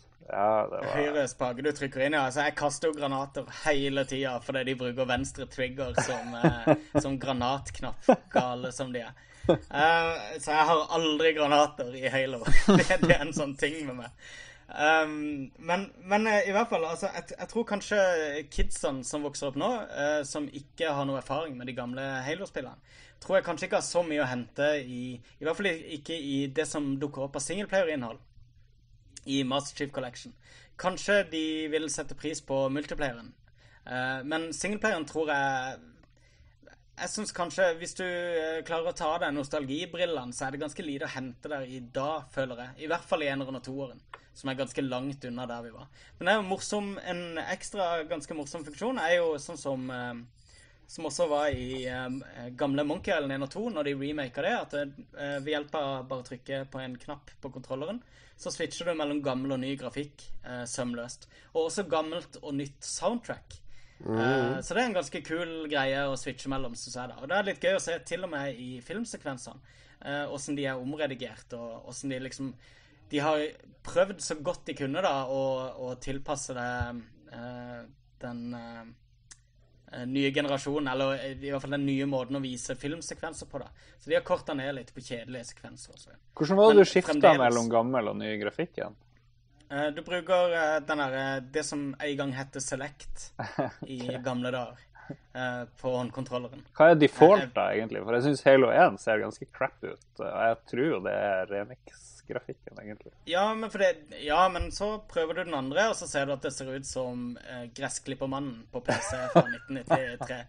uh, Ja. Men har du spilt Men, noe igjen, da? Det er litt kult å se utviklinga, men jeg syns ikke det holder å bare slenge på noen nye skins. For det, det er så mye som har skjedd sånn spilldesignmessig, som gjør at det er ikke, det er ikke underholdende å spille lenger. Det er for lite som skjer, rett og slett. Det er, det er derfor jeg ikke forstår de som spiller Doom igjen og sånne ting heller på singleplayeren. Jeg syns det er dritkjedelig. For det, det er et annet jeg, jeg savner moderne eh, virkemidler. ja, men jeg syns Doom, faktisk, siden du nevner det, jeg synes det funker, for det er så tight, ikke sant? Det er så, Ja, det er supertight. Ja. Det er tidløst. ja. Jeg syns det er drittkjedelig. Med, for det, det er bare en gjeng med fiender som dukker opp og, og bare styrter i trynet på deg. Ingen, ingen form for eh, eh, Men- utfordringer utover Twitch. Da. Men hva dere har spilt noe særlig av? Jeg fikk bare lov å laste ned én og fire uh, av en eller annen grunn, virka det som. Så det er det jeg har Jeg- spilt. Jeg har spilt 1, 2 og 4. Uh, treeren har uh, Altså, det som var med fireren, er at det er veldig lite som har skjedd med det. Og du har heller ikke Fordi at det er et såpass nytt spill. Og treeren, jeg husker det fremdeles som er sånn her ganske grusomt kjedelig spill da det kom på, på Xbox 360. Og jeg var med, det var med bare sånn trass som gjorde at jeg runda det. Så, så det har jeg egentlig ikke noe særlig lyst til å se igjen. Mm. Jeg syns det var litt synd at eh, ODST og Reach ikke var inkludert på pakka, for jeg syns det var de to mest interessante spillene som er kommet i Halo. Det er bra, det, men det, det har jo ikke noe med Master Chief å gjøre. Det her er jo Master Chief-samlinga. Ja, men jeg driter litt i Master Chief, sier jeg. Og så var det ikke nok Mario, syns jeg, i Master Chief Collection. Vi må bare klage på at det ikke er Mario Kart med i uh, Super Mario Allstars. Uh, ja, kanskje det. Kanskje det. Jeg, jeg, jeg klager ikke på det, men jeg sier det hadde vært en, en, uh, en positiv, et positivt tillegg hvis jeg hadde inkludert de to spillene. De Eh, kommer nok um, fordi sagt- greia Nå kommer Halo 5 til neste år. Sann mine ord, hører det først i. I pauseåret mellom på, Halo 5 eh, og Halo cast. 6 så kommer det en samlepakke med ODST og uh, Halo Wars og alle de andre eh, bispillene i Halo-universet. De kommer på Windows Phone. Ja, på Windows Phone. Yes. Ja, jeg har spilt det, og så har jeg spilt um, Costume Quest. Eh, Nummer to. Litt for seint. For det, eh, nummer to. Som eh, ble sluppet rett Hva er det for et spill? Kostymeoppdraget? Det er et kostymeoppdrag. The end. Um, Jeg skal hilse gutta. ja, du må hilse tilbake. Nå, nå, nå, nå jeg klarer ikke jeg å redde den sendinga hvis det blir mer sånn der uh, breaking the fourth wall her. Ja, vi, er, vi må bygge en femte vegg, Jon Cato. My god. OK, kom igjen. Hva var det du snakka om nå? Det var Costume Quest. Det er Halloween-spillet. Ja, det første Costume Quest ble utvikla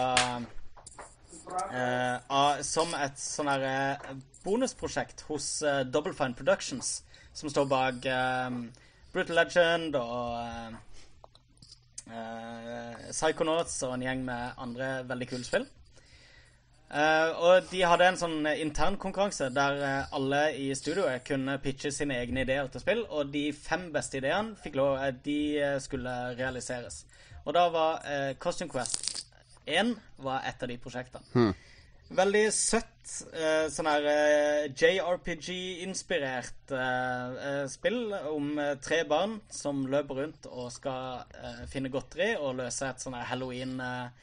Eh, mens de da ikler seg forskjellige kostymer. Eh, Det er det samme i toeren. Eh, Det som er veldig kult med spillene, da, er at eh, når de havner i fighter, da, så blir de på en måte sånne superheltversjoner av kostymer. Ja, det ble de enere nå, husker jeg. Ja, Så hvis de f.eks. går med sånn pappkartong på seg som skal være en robot, så blir de en sånn superrobot med sånne sinnssyke superkrefter da, um, som du realiserer i de kampene. Så det er en litt sånn morsom detalj. Eh, litt kjedelig spill, for det er et veldig enkelt Det er litt sånn spill. barne-RPG, er det ikke? Jo, det handler veldig mye om å gå og finne ting uh, andre steder. steder. det har ikke den der eh, Sånn som Earthbone, det har òg veldig barn, barnslig ut, barnlig uttrykk. Men det taler til voksne og barn, på en måte. Jeg føler ikke at Costume Ja. Quest snakker Det er ikke så inkluderende for alle, på en måte. Nei, det er nok litt mer eh, Eller jeg vet ikke. Det er et eller annet sånn Hjertet smelter litt når du spiller det. Det er den der selvvanlige, sedvanlige double fine lunehumoren i det. Som De er veldig flinke til akkurat det der med å, å, eh, å være sånn sjarmerende og, og morsomme um, På en veldig sånn uh, behagelig, barnevennlig måte også, hvis de prøver på det.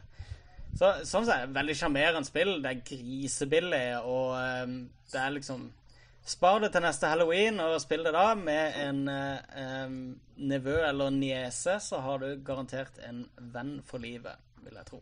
Men som sagt, litt kjedelig, litt lite variasjon osv.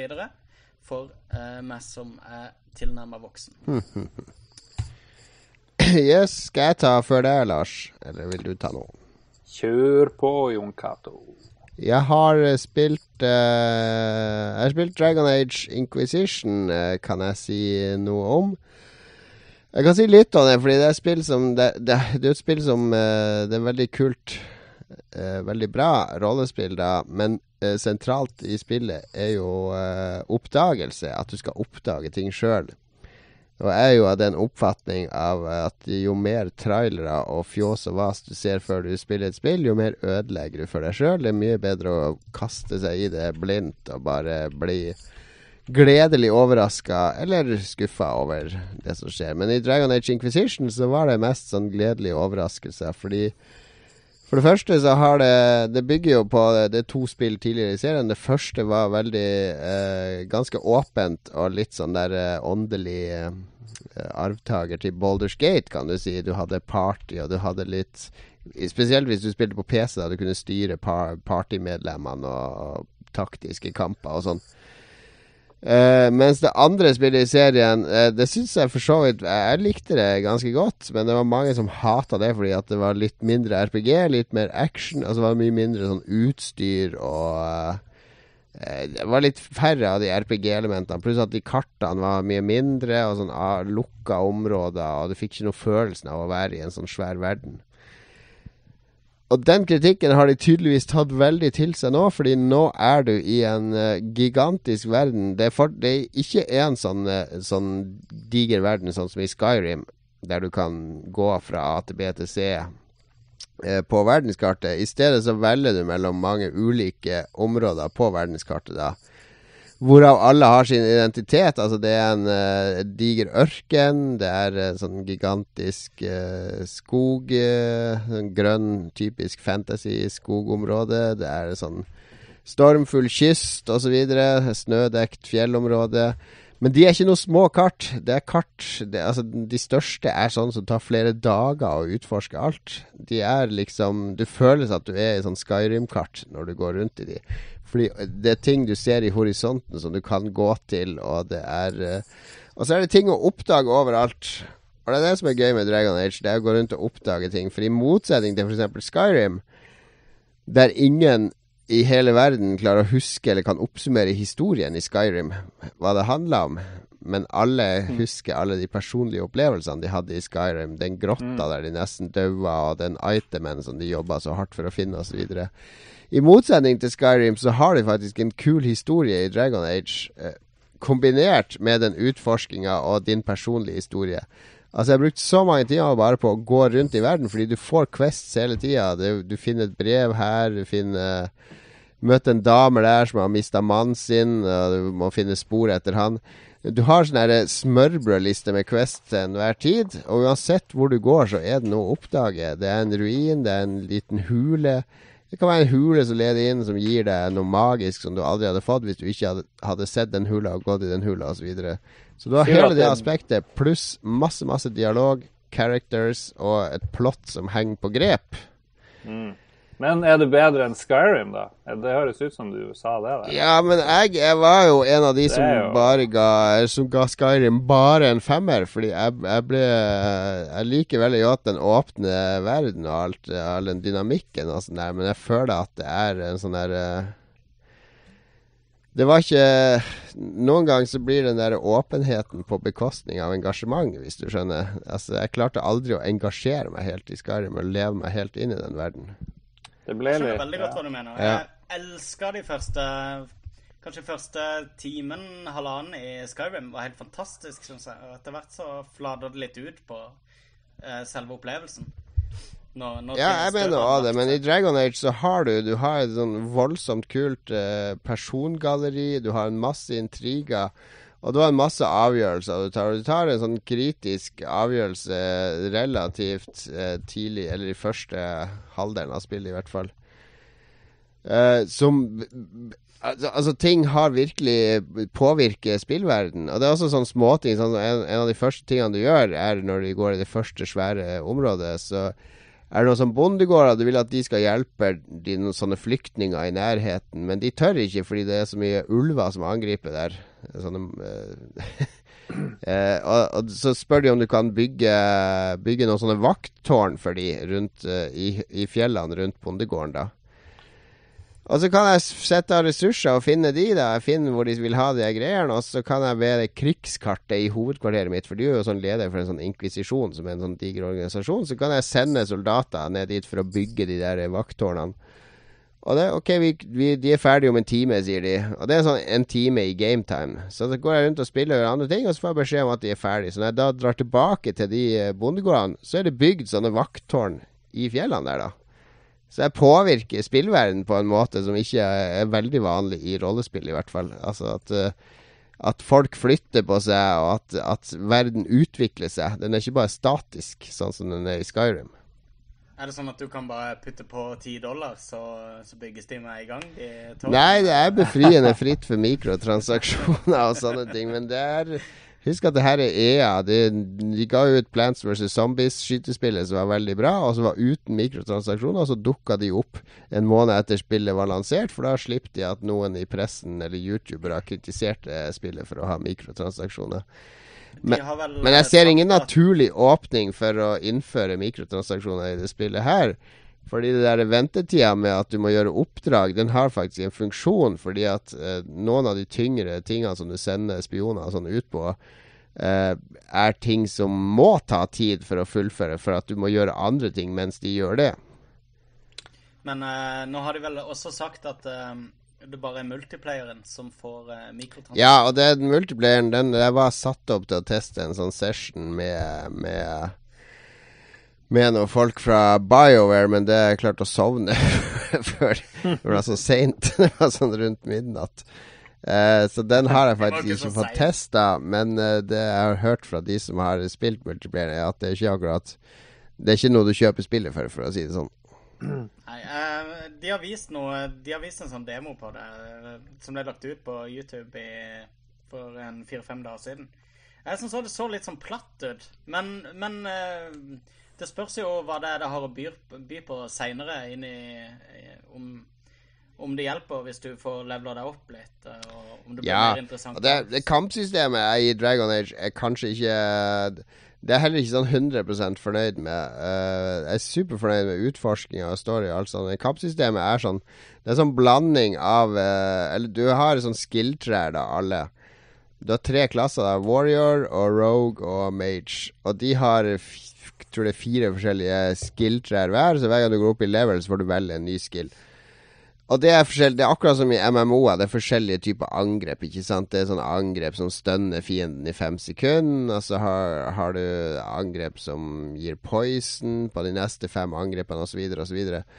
Eh, så, så det blir akkurat som i MMO, at du kan ta de i sånn rekkefølge. ikke sant? Du kan stønne han, og så kan du ta et sånn power-angrep på han, og så kan du slowe han. Og så, og så når du har flere i teamet ditt, så kan man i tank, tanken er i hvert fall at han kan slowe de ned, så kan han gjøre sånn, og så, og så videre. Men i praksis er det ganske vanskelig å få til, for du, du styrer bare én om gangen. ikke sant? Så du må drive og bytte mellom de og ta på pause hele tida. Og det, det, orker jeg ikke, rett og slett. For da blir sånn kampene så uh, sinnssykt gnukkete har du mulighet til å liksom programmere laget ditt? Ja, det er det du har. Så det er det som berger deg. For da, da programmerer de til å drikke health potion når de er så lavt. Og til Du kan programmere de til, å, til å, hvilke angrep de skal bruke, og hvem de skal prioritere, osv. osv. Ja, og hva de skal gjøre. Ja, så de, Derfor funker det uten at du trenger å gå inn. Og eh, Jeg vet jo at det kommer til å være sånn PC-spillere som kommer til å klage over at det ikke er akkurat sånn som Baldur's Gate, der du kan peke og klikke i detalj på hva de skal gjøre til enhver tid. Og, men det blir, det blir, litt for kaotisk av og til òg, fordi at det går sinnssykt fort i de kampene, og de løper etter og Kanskje kommer det en sånn en sånn geit forbi mens du slåss.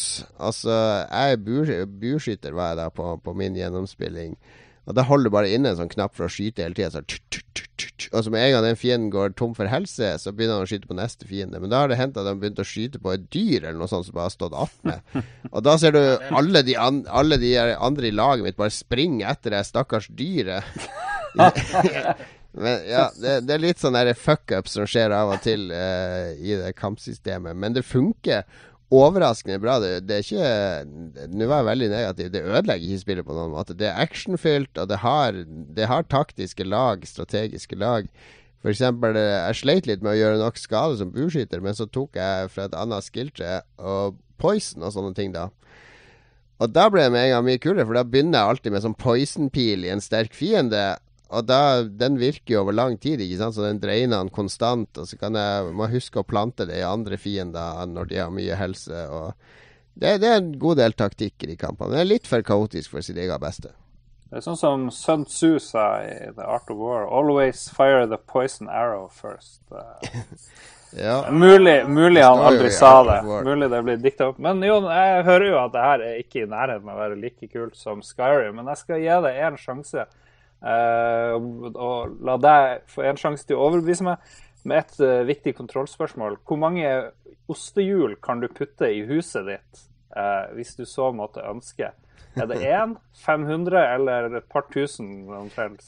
du kan kjerne din egen ost. Nei da, du kan Det er Det nekter jeg å svare på. Nei, det er det andre negative jeg skal si om det spillet. Det er fordi Dragon Age 2 fikk så mye kritikk fordi at uh, det var ikke nok sånn items og lut og, og utstyr og til og dall. Og det, det har de skrudd sånn uh, opp til én million nå i stedet. For nå er det så mye drit å samle på, og så mye ting du finner. Og så er det selvfølgelig crafting, da, så du kan lage din egen rustning. Og ikke bare rustning, du må lage armer og bein til den rustningen. Og du kan sette sammen uh, Du kan finne f.eks. seks-syv uh, forskjellige metaller og 20 forskjellige blomster og sånn. Og så er det sånne oppskrifter der du bare får beskjed om du må ha ti av en valgfri metall, og fem av en valgfri dyrepels, og tre av en valgfri blomst.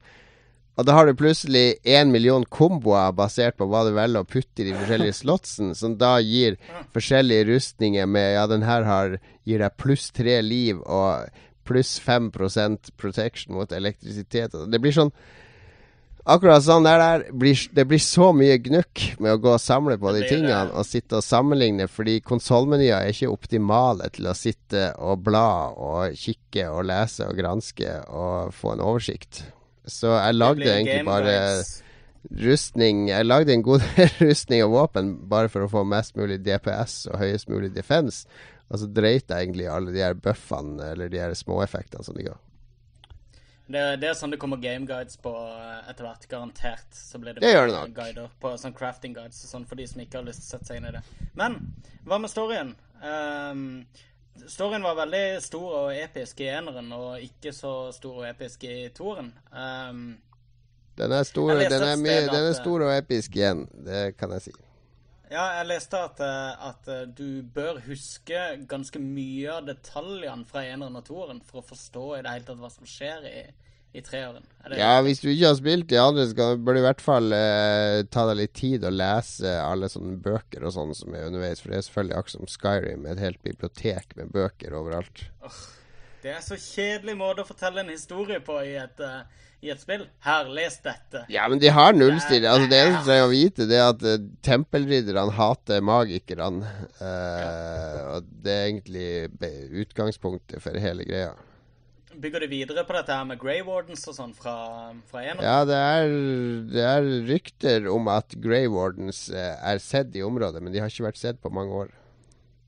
Men er dette, er dette mange år seinere, eller er det parallell? Ja, jeg husker Jeg tror ja, det er ti år etter eller noe sånt. eh, Toeren. Jeg husker ikke helt. OK, nå har, vi, nå har vi hørt nok om Dragon Age. What?! Det er jo det største spillet som kommer. Ja, men. Jon har jo spilt et annet et òg som er minst like interessert. Ja, men jeg, syns Creed orker jeg ikke prate om, for det har jeg akkurat begynt på. Men jeg vil heller prate om Galaxy om spill, Trucker. eh, Ja, nei, hvis du ikke skal snakke om Assassin's Creed, så må du for min del bare fortsette. Men jeg vil fortsette spørsmålet om Kan du liksom For det som var så gøy i Skyrim, det var jo at du kunne liksom spille det så dumt som du ville, men likevel ha det veldig gøy, ikke sant. Eh, Du trengte ikke gjøre noe, egentlig. Du kunne dra rundt og bare sose og samle på ting, eller Det er ikke så Det er ikke sånn der tulleleken som Skyrim, at du kan stå og kaste ost ned en bakke og, mens du har røkt en bønne og le deg i hjel. Så, så tullete er nok ikke Dragon Age. For meg, for meg var Skyrim 1000 måter å kjede seg på i et spill. Nei, Eh, og to måter å gjøre noe jeg syns var morsomt. Det er mitt problem. Men jeg kan si, si så mye som at første gang du møter en drage i Skyrim, det var ganske spennende. Men første gang du møter en drage her i Dragon Age, så kommer du til å drite i buksa di. Eh, Det, det er noe Praktisk talt. Jeg, jeg, jeg skal ikke spoile det, men jeg har det en, er et par av de dragemøtene når du har sett Og jeg har bare stått og sett på sånn drage på avstand som sl slåss mot en kjempe en gang. Sånn langt borte kommer du opp på et sånt fjell og så bare What? Hva er det som skjer der borte på stranda der? Så står de og slåss med hverandre, og da satt uh, Trym på fem år attmed. Han bare Han ble helt lamslått av å se, sånn, se den svære dragen og den kjempen som sto og denga løs på hverandre. Og da var jeg ganske Minner svak om- level, da, så det var ikke snakk om å gå i nærheten i det hele tatt. Men det er, eh, det er eh, Nei, men det er Altså, hvis du, du Hvis du liker rollespill, så kommer du til å digge det her. Og du som savner Final Fantasy og sånn, det her er mye mer Final Fantasy enn Final Fantasy 13 er. eh, Med tanke på eh, skills og, og dialog og, og ting å gjøre. Og de verdenene er veldig åpne når du utforsker de, så du får, du får hele den frihetsfølelsen fra Skyrim når du går rundt i de verdenene. Det gjør du. Pluss at uh, den programmeringsgreia, den så vi vel aller først i Final Fantasy 12, hvis ikke jeg husker feil. Ja, meget mulig. Så det er jo relevant, det òg. Bra. Nei da, vi, jeg håper jeg får det spillet snart. Så skal jeg spille flettene av Gjør det, gjør det. Men jeg hopper over Galaxy Trucker. Jeg kan snakke om det neste gang hvis jeg gidder, fordi vi må jo rekke eh, lese lytterspalten òg. Har du noe spill, eh, Lars? Ikke Destiny? Spilt bitte litt, eller jeg har spilt en del eh, Hva det heter Destiny? Nei, unnskyld. Halo. Destiny, hva går det ut på igjen? Jeg er veldig enig med Magnus, eh, må jeg si. Eh, hvis du ikke likte eh, Halo før, så blir du ikke å like det nå. Det er vel kort eh, oppsummert. Men jeg elsker Halo 1 eh, og syns det var litt morsomt. Småmorsomt å prøve det, men blir fort lei. Eh, det der greia der. Eh, men jeg gleder meg til multiplayer og sose der. Men jeg spilte der The Binding of Isaac, som jo er et egentlig rimelig gammelt spill. PC Det har vel vært på Steam i 1000 milliarder år. Han der Edmund Macmillan som var med og lagde Super Meat Boy, som har styrt på. De som kjenner grafikken fra de her spillene deres, ligner jo veldig på det her og du er en unge, og så kommer mor di og skal drepe deg. Hun er veldig religiøs og får beskjed fra Gud om at du fortjener å dø. Og nå kom det gratis på PS Plus, så da har jeg spilt gjennom det. Eh, på normal vanskelighetsgrad. Eh, det er umulig å liksom få med seg alt, for det er veldig mye detaljer og mye rart du ikke skjønner på første gjennomspilling. Eh, som man kan dykke ned i. Det er vel en sånn rogelike ish uh, sak der, hvor du går gjennom masse dungeons, og så skal du komme deg gjennom masse levels og slåss mot en endboss på hvert level, og så til slutt så skal du uh, gjøre et eller annet uh, stilig. Men jeg tok nå en gjennomkjøring og syntes det var veldig gøy. det var litt overraskende enkelt. jeg vet ikke om det var så enkelt på PC, men det var veldig enkelt på normal vanskelighetsgrad. Men det er kult. Du får sånn masse rare våpen, noen man ikke skjønner, masse rare items. Og så hvis du ikke slår det opp, så kanskje du ikke finner ut hva det er. Men masse flott grafikk på en veldig enkel måte, men på den her eh, liksom barnlige eh, monsterstilen. Eh, hvis du kjenner de her eh, Super Meat mhm. Men jeg vet ikke om noen av dere har spilt igjennom det. Men det slo ikke meg som at det var liksom en sånn stor triumf. Jeg trodde det her var liksom et av de sinnssykt gode indiespillene, og det er jo bra, men det er ikke sant jeg blir lamslått uh, av det. Det er i bunn og grunn det, det, det skyldes at hvert eneste spill du spiller nå, så sier du I could have been playing Destiny, er det som ljomer oppi hodet mitt. nei, nei. Men jeg fikk nå lyst til å spille det på nytt, for du kan spille det med ulike karakterer. Ulike vanskelighetsgrader og litt sånn variasjoner du kan gjøre på det. Men, um, jeg har ikke eh, spilt ja. det, så jeg har ikke så mye kommentar på det. Noen må gjerne uh, informere oss om hva er liksom det geniale med Binding of Isaac.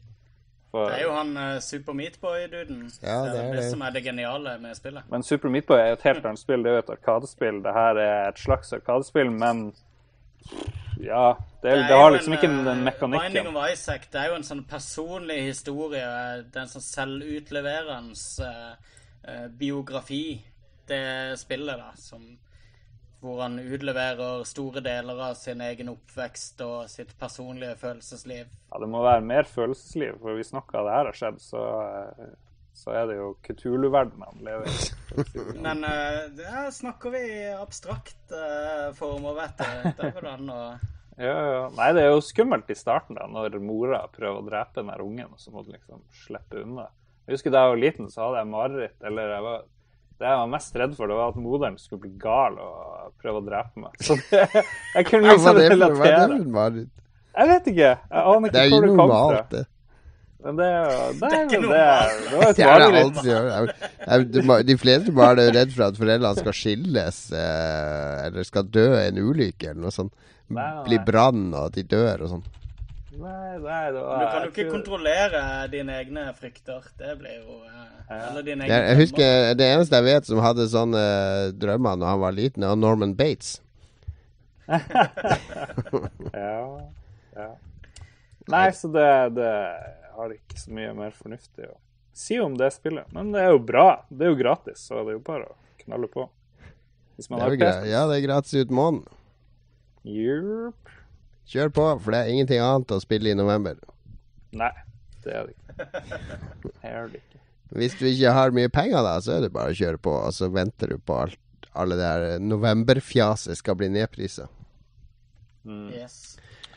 Da er vi i gang med lytterspalten. Jeg overlater roret til uh, Lars Rikard Olsen hun der dama i hjørnet som får lov å lese litt. Ja, nå skal hun uh, dama i hjørnet Jeg, sa, jeg, jeg tror jeg fornærma meg et par ganger i dag, Lars. Nei, det går helt fint. Jeg er vant Ja, til det det. bra. Jeg beklager er- hvis jeg har tråkka på noe tær. Du er det andre marerittet jeg hadde da jeg var liten. Da faderen skulle bare latt det tiden. Når du ble eldre, så var det jeg som avløp, ble det nye marerittet. Ja. Har vi musikk i bakgrunnen, forresten? Nei, det det legger jeg på? på etterpå. Ja, ja, men selvfølgelig må du legge på det etterpå. Jesus.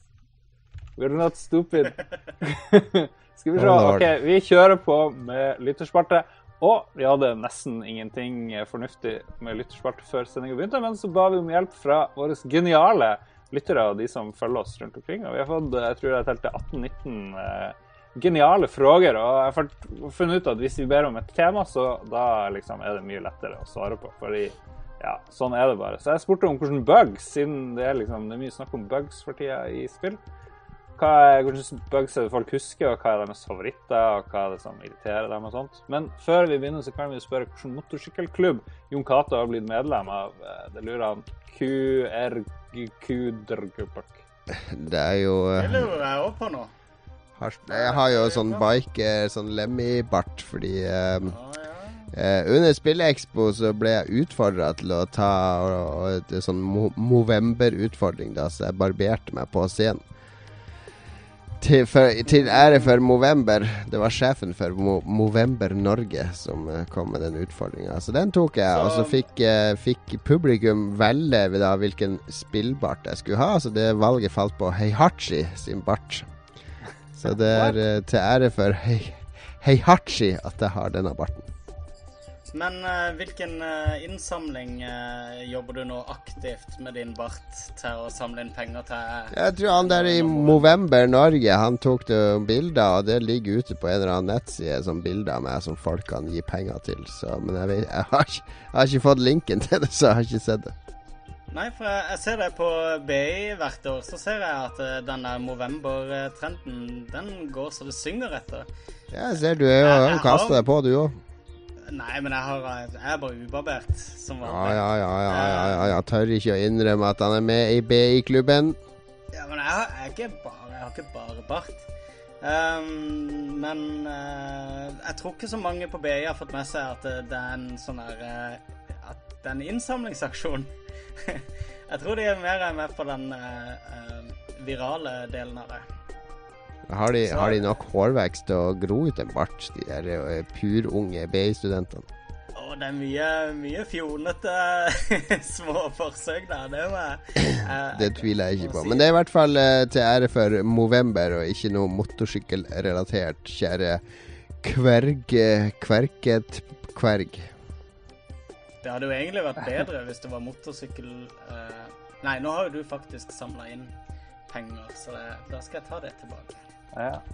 Eh, skal vi se. Tom Wilhelm Ødegaard deler en bug med oss. Hans verste er nok fra det første Assassin's Creed på Xbox 360. Da han kom til siste delen av spillet, datt han gjennom bakken, og da karakteren døde, kom han tilbake med en tvilling. Høydepunktet var da han klarte å assassinere seg sjøl og få game over. Det, det høres ut som en feature. Ja, Høres ut som enda en drøm. Det som er så kult med Assassin's Creed, er jo at eh, de kan jo alltid unnskylde den dårlige frameraten og alle bugsen med at det er en bug med den derre animusen. Altså, du, fordi du sitter jo og bruker software i spillet for å havne i, i fortida. Så hvis det er dårlig frame det er, det er ikke spillet jeg har helt topp framerate, det er uh, spillet i spillet som har dårlig framerate. Ja, ja, det er en sånn metakommentar. ja. Marielle Alien sier at eneste buggen som har plaga henne, var En gang så du en åttende generasjons familie i The Sims og spillet frøys.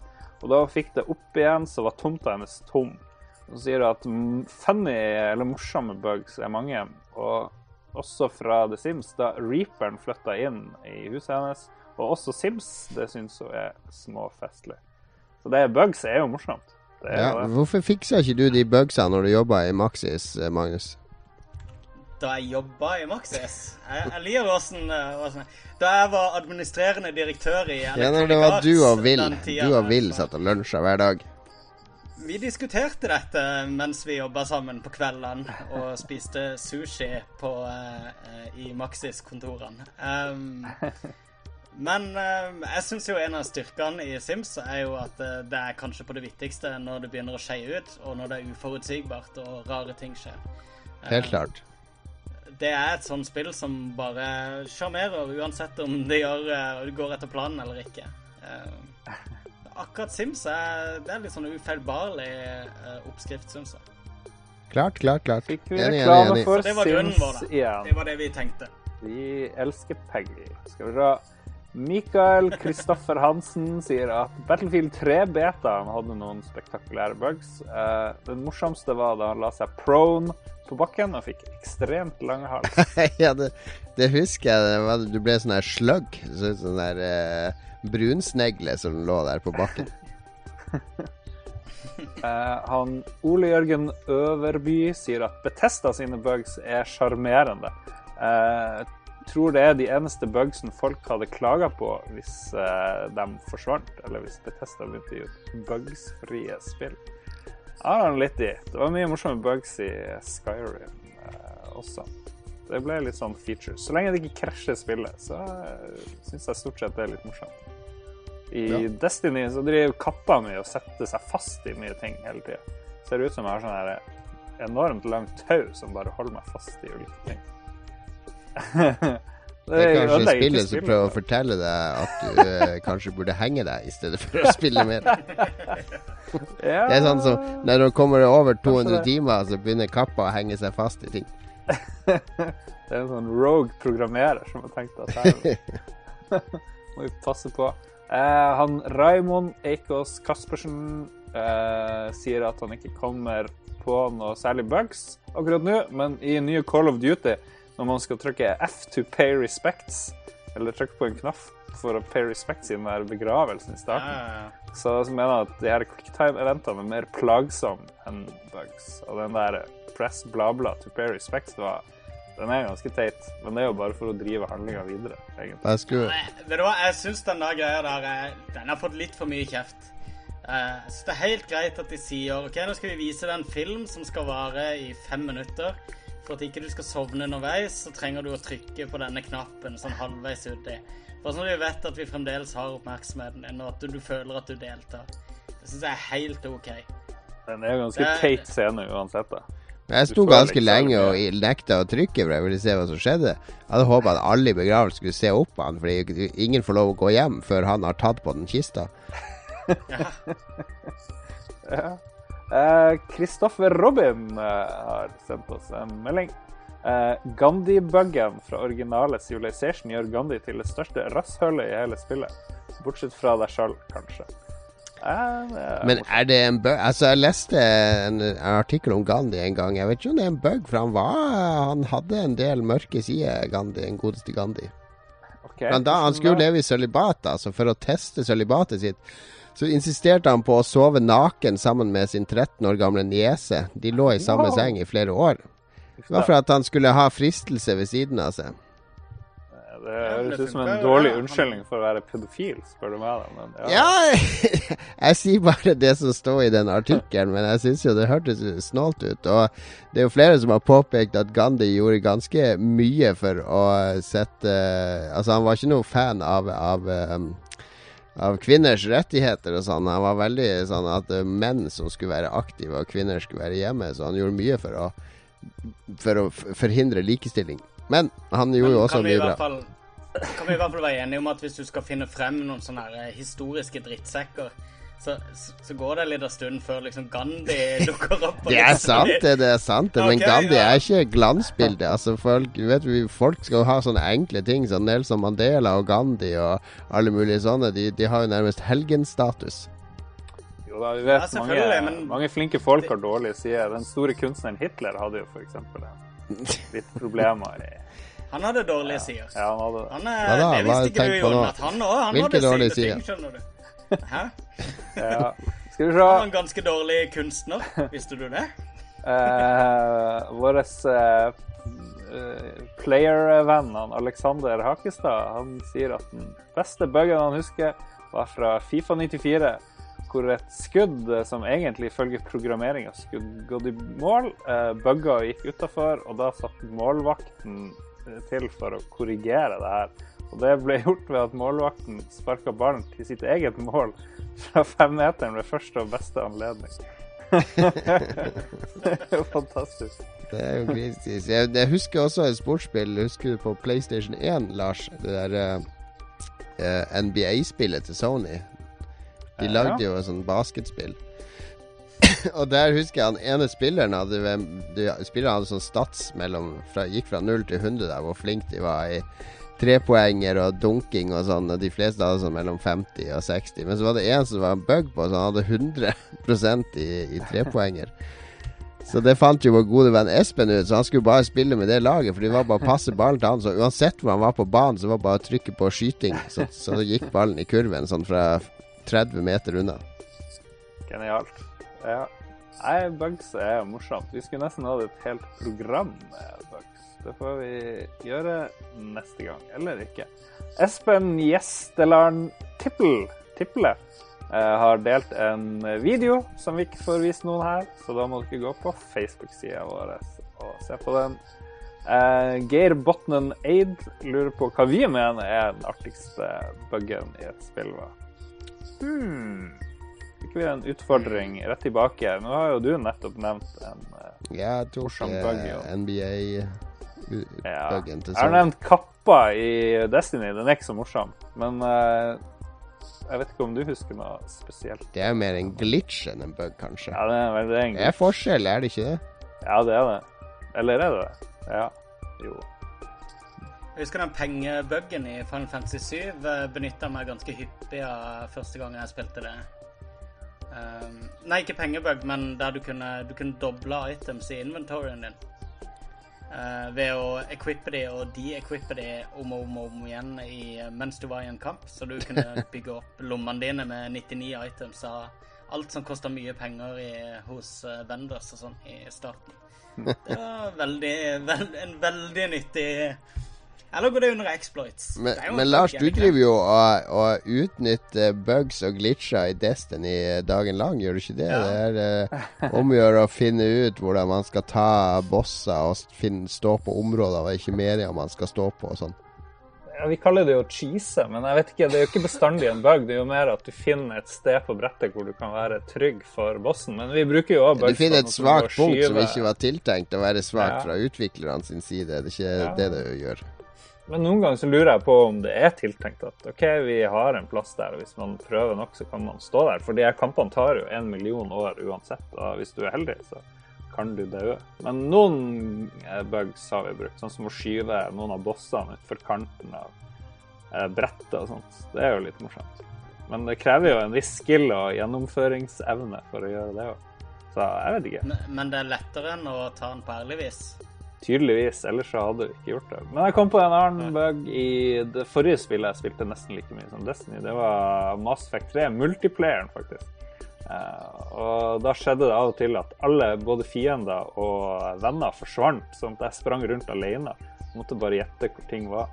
Så det er ganske morsomt. Så jeg jeg syntes det var veldig gøy å ta det opp og tenkte det her må jeg vise til noen hvis jeg liksom klarte det og overlevde det sammen med laget. Men det gjorde jeg aldri. Det, sånn er det med vår digitale hverdag. Vi tar masse bilder, men vi viser dem aldri til noen. De bare havner på datamaskinen i sånne store lager, stort sett, føler jeg. Det var litt ettertanke der. Ja. Jeg kommer ikke på noen sant sånn veldig kule bugs eh, i spill. Da. Så jeg, jeg kjøpte et brettspill en gang der det mangla en del brikker. Så jeg måtte levere tilbake og få nytt. Det er jo en bug. Det var en dritfet bug. Det det var det beste jeg kom på. var I eh, den feteste bugen du har opplevd. Men jeg ser jo det er enda tre kilometer med spill, apropos å si hva vi ser på skjermen. Har du spilt noen av de nye brettspillene dine, Jon? Du kjøpte jo 30 i, i Tyskland. Ja, jeg har kjøpt noen flere. Nei da. Jeg har eh, Jo da, jeg har eh, Jeg prøver å få noen folk hit på lørdag, Magnus, men du har sikkert kanskje planer. Men eh, jeg skal sende ut en mail i morgen og prøve å få spille litt på lørdag. Men så skal jo vi på hyttetur neste uke, Lars. Og da blir jo eh, bagasjerommet fullt av brettspill, kan jeg love deg. Ja, brettspill og Da skal vi åpne når vi kommer opp. Så skal vi åpne med whisky og tyrker og øl og cash and guns, der alle har hver sin eh, lekepistol som de skal peke på hverandre med. Ja, sweet. Og så skal vi lage litt podkast derfra. Det skal vi funke. Det blir bra. Skal vi se. Han R... R... Rar spør uh, og sier hvor mye øker eller eh, minker innlevelsen i Assassin's Creed Unity når vi bytter talemålet til fransk? Og har jo vært borti andre spill tidligere som med fordel har benytta et annet språk enn engelsk som hovedmål. For det kan man jo gjøre. Det må du gjøre, Jan. Du må bytte språk til fransk. når du Ja, det skal jeg prøve hvis, hvis Ja, det skal jeg prøve. Men jeg husker jeg spilte På Metro mener jeg at du kunne ha russisk tale i stedet for den der dårlige Ja. russiske engelsken. Jeg tror kanskje det. Mm. Jeg har sittet og sett på eh, Som kjent så ser jeg en del på Heartstone-spillere på Twitch. Og Det er alltid gøy når de beveger seg over til nye servere, og eh, spesielt eh, Trump har en tendens til å prøve seg på nye språk. Så han sitter og spiller med polske og uh, tyske kort og sånne ting, da. For han kjenner jo igjen bildene på dem. Ja. det er litt morsomt, bare for å få litt grann eh, farve på ganske kjedelig eh, show, sikkert, i lengden. Jeg hater når det er japanske spill og man ikke kan stå stille til japansk tale, i hvert fall. Det er helt Jeg syns det er helt topp å slippe japansk tale. Nei. Men jo, for det at eh, hvis de skal snakke japansk i actionsekvenser Men nå snakker du sikkert om uh, JRPGs Ja, og sånne ting, hvor det er film, spill, film, spill osv., videre hvor det går greit å lese subtitles. Mm. Ja, ja, absolutt. Men i kampens hete så kan det være greit at noen instruerer deg på et språk du behersker, uten å måtte lese oversettelser. Jeg pleide å være helt besatt av å ha de der JRPG-ene på japansk. Hata når det var dubba og sånn, men det er det er fordi jeg hadde dårlig dub. Hvis det er bra, så er det, så er det bare en fordel å ha det på engelsk. For eksempel Dragon Quest 8 på PlayStation 2, det var jo eh, oversatt og dubba og spilt inn av de Little Britain-folka som har stemma der. Eh, og de, de har laga dialekter og stemmeleier sånn som passer med de japanske figurene og meninga bak figurene. Så det syns jeg Det kunne jeg ikke, nesten ikke tenke meg å spille på japansk, for der føler jeg at du går glipp av noe når du ikke, får, når du ikke skjønner det de sier, selv om du får tekst. Jeg husker Lost Odyssey på Xbox. Uh, var det overraskende bra dubbing på.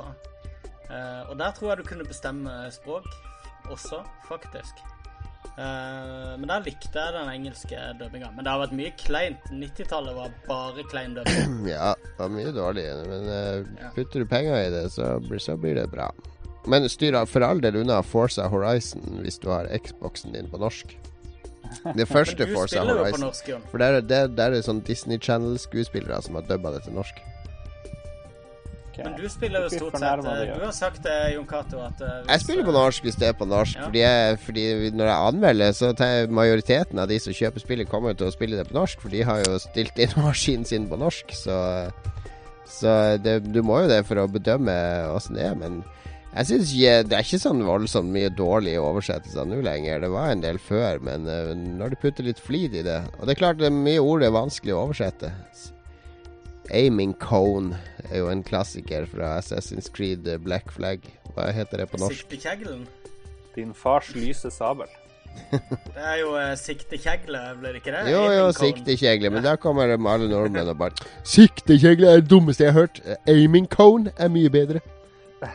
Ja, men da kan du kan kalle det felt, for eksempel. Siktefelt. Ja, men det er ofte også et problem med oversettelser, er at eh, du skal oversette et engelsk ord som er på seks bokstaver, og du har seks tegn på deg til oversettelsen, for det kan ikke ta Ja. Det er ikke plass, det er ikke allokert mer plass til, det, til Ok, men hør på dette, da. E C-O-N-E-F-E-L-T. Cone og felt. Eh, Du må kontakte Ubisoft. Jo, jo, jo, det var jo bare et eksempel. Men det er En annen ting jeg hørte fra en som oversatt, var, det var Og her var det Naughty Dog som var verst i klassen. Fordi du får Du skal oversette all dialog i et Naughty Dog-spill. Og da får du en Excel-fil eh, med, med alle setningene som skal oversettes. Og hvordan er de sortert? Jo, alfabetisk. Altså, du får ikke dialogen kronologisk. Han fikk en liste ikke sant, med, med 800 setninger i et Naughty Oh Dog-spill, sortert alfabetisk. Det, det er da det Det oppstår sånn her 'min fars lette sabel'. Fordi du har en setning som sier 'your father's light saber'. Det var jo også litt av problemet. Det var jo derfor jeg var i USA og jobba i den eh, administrerende direktørrollen i Maxis. Um, for det at det var en norsk uh, sånn der professoroversetter som hadde frest gjennom hele spillet. Men han hadde bare sittet og lest setningene i et, i et dokument uh, uten å vite noe kontekst. Ja, ja, ja. ja det, er, det, det er fortsatt et problem i dag med enkelte uh, spillutgivere og utviklere. Ja. Og derfor så uh, Og, og så forsto ikke de at play og game er det samme ordet på norsk, så det ble kluss der. Og, så det var veldig mye Det var veldig viktig å oversette med noen som satt hands on da og forsto spillet. Det husker jeg, jeg, Men jeg, jeg, se på Microsoft-interfacen, da det er, jo, det er, jo, ikke uten grunn at du har dette her med handling og opplevelse og eh, disse her helt merkelige oversettelsene i, i Xbox-interfacen. Det er jo fordi at eh, de spør bare Ja, action. Oversett action. Action så, ja, er jo helt umulig å oversette. Nei, men da setter de inn action. OK, handling. Og da, ok, Men da setter vi inn ordet handling i alle situasjoner hvor action er et begrep, uansett kontekst. Nå blir det handling, gutta. Da er det både utføre en handling, og så er det actionfilm. Begge deler handling. Ja. Så eh, derfor blir ordene separat sett blir riktig oversatt, men i kontekst blir de helt feil. Ja, det, jo ja, i, ja, det husker jeg han som oversatte Far Cry sa også, fordi der den grønne knappen blir Der står det action under. Hvis du går forbi en ting du kan plukke opp eller en knapp du kan trykke på, eller en dør du kan åpne. Alt det er bare action. Interaksjon. Ja, han samhandling oversatte han det til. Samhandling. Alle, alle gjenstander du kan samhandle med, det er en samhandling. Jeg ville gjort det mye mer folkelig. da Sagt et eller annet sånn 'gjør noe', eller et eller annet sånt. Du kan ikke bruke au og plutselig, for den fonten er ikke med. Der har du nok en oversettelsesproblem. Ja, gjoer noe. ja, okay, gjør noe, okay, Lars. Okay. Gå videre. Uh, Vår uh, awesome uh, buddy Jan Christian Hegel uh, har ikke vært så veldig inspirert i dag. Han lurer på hvor Area 51 er. Jeg vet ikke hva han refererer til. Egentlig snakker han om sørlige Nevada. Eller er det et spill vi burde vite om her? Han snakker vel om Nevada. Vi har jo en av våre beste Lolbua-venner, vår godeste Øyvind. Han han har jo vært i ørkenen der og sett på ufoer. Ja, ja da. De fins. Uh, eh, ingen tvil om det. Så sørlige Nevada, bare kjør gjennom der. Ser dere mye rart. Og så har han spurt om vi er klar for Dragon Age Inquisition, og der er jo svaret ja. Uh, Korrekt. Han ber Zeromus Bezermus uh, sende videre et spørsmål fra Jørgen Jacobsen, som ikke har Twitter. han har heller ikke så uh, mye på lager, men han lurer på hva vi syns om ebola. Uh, vi er jo store fans. Jeg, jeg, føler jeg har vært innom ebola et par ganger i, uh, med tanke på dette spørsmålet. For å, for å kunne um, For å kunne signalisere hvor ambivalente vi er til denne ebolasykdommen.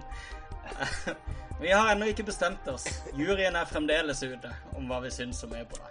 Ja. Ebola er jo selvfølgelig en fryktelig, fryktelig sykdom som eh, Nei, nei, nei. nei, Slutt. slutt. Som... Tom Paulsen lurer på uh, Hvis de hadde muligheten, hvilket spill hvis ville vi ha laga hvis de kunne gjøre det, og på hvilken plattform? Og han sier at dette spørsmålet gjelder bare hvis det ikke er spurt tidligere. Og vi har vel egentlig svart på det tidligere. Vi har det. Sjekk ut. Eh, du må høre gjennom de 50 ja. forrige episodene, så får du svar i en av de. Ja. Strippoker er nøkkelordet, kan vi si kjapt. Eh, det er såpass enkelt at det tror jeg faktisk jeg skulle klart å programmert og laga. ja.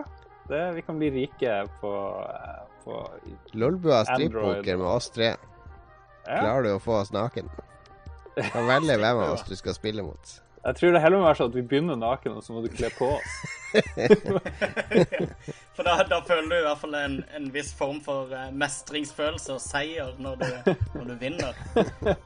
ja, nei, men da er vi inne på Med.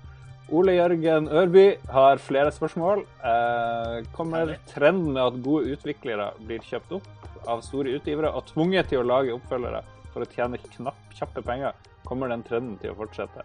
Eller begynner de store selskapene å skjønne at vi er sultne på nye IP-er nå? Spørsmålet er jo kanskje er vi sultne på nye IP-er, vi som gleder oss til nye Dragon Age og Assassin's Creed og Ja, er remake av på nye GTA IP. 5 og alt mulig. Jo da, vi er hypp på nye IP-er. Eh, jeg, jeg tror den der greia med å bli, eh, bli kjøpt opp setter egentlig utgivere i, eller utviklere i, i en sånn offerposisjon som jeg ikke helt klarer å rettferdiggjøre for meg sjøl.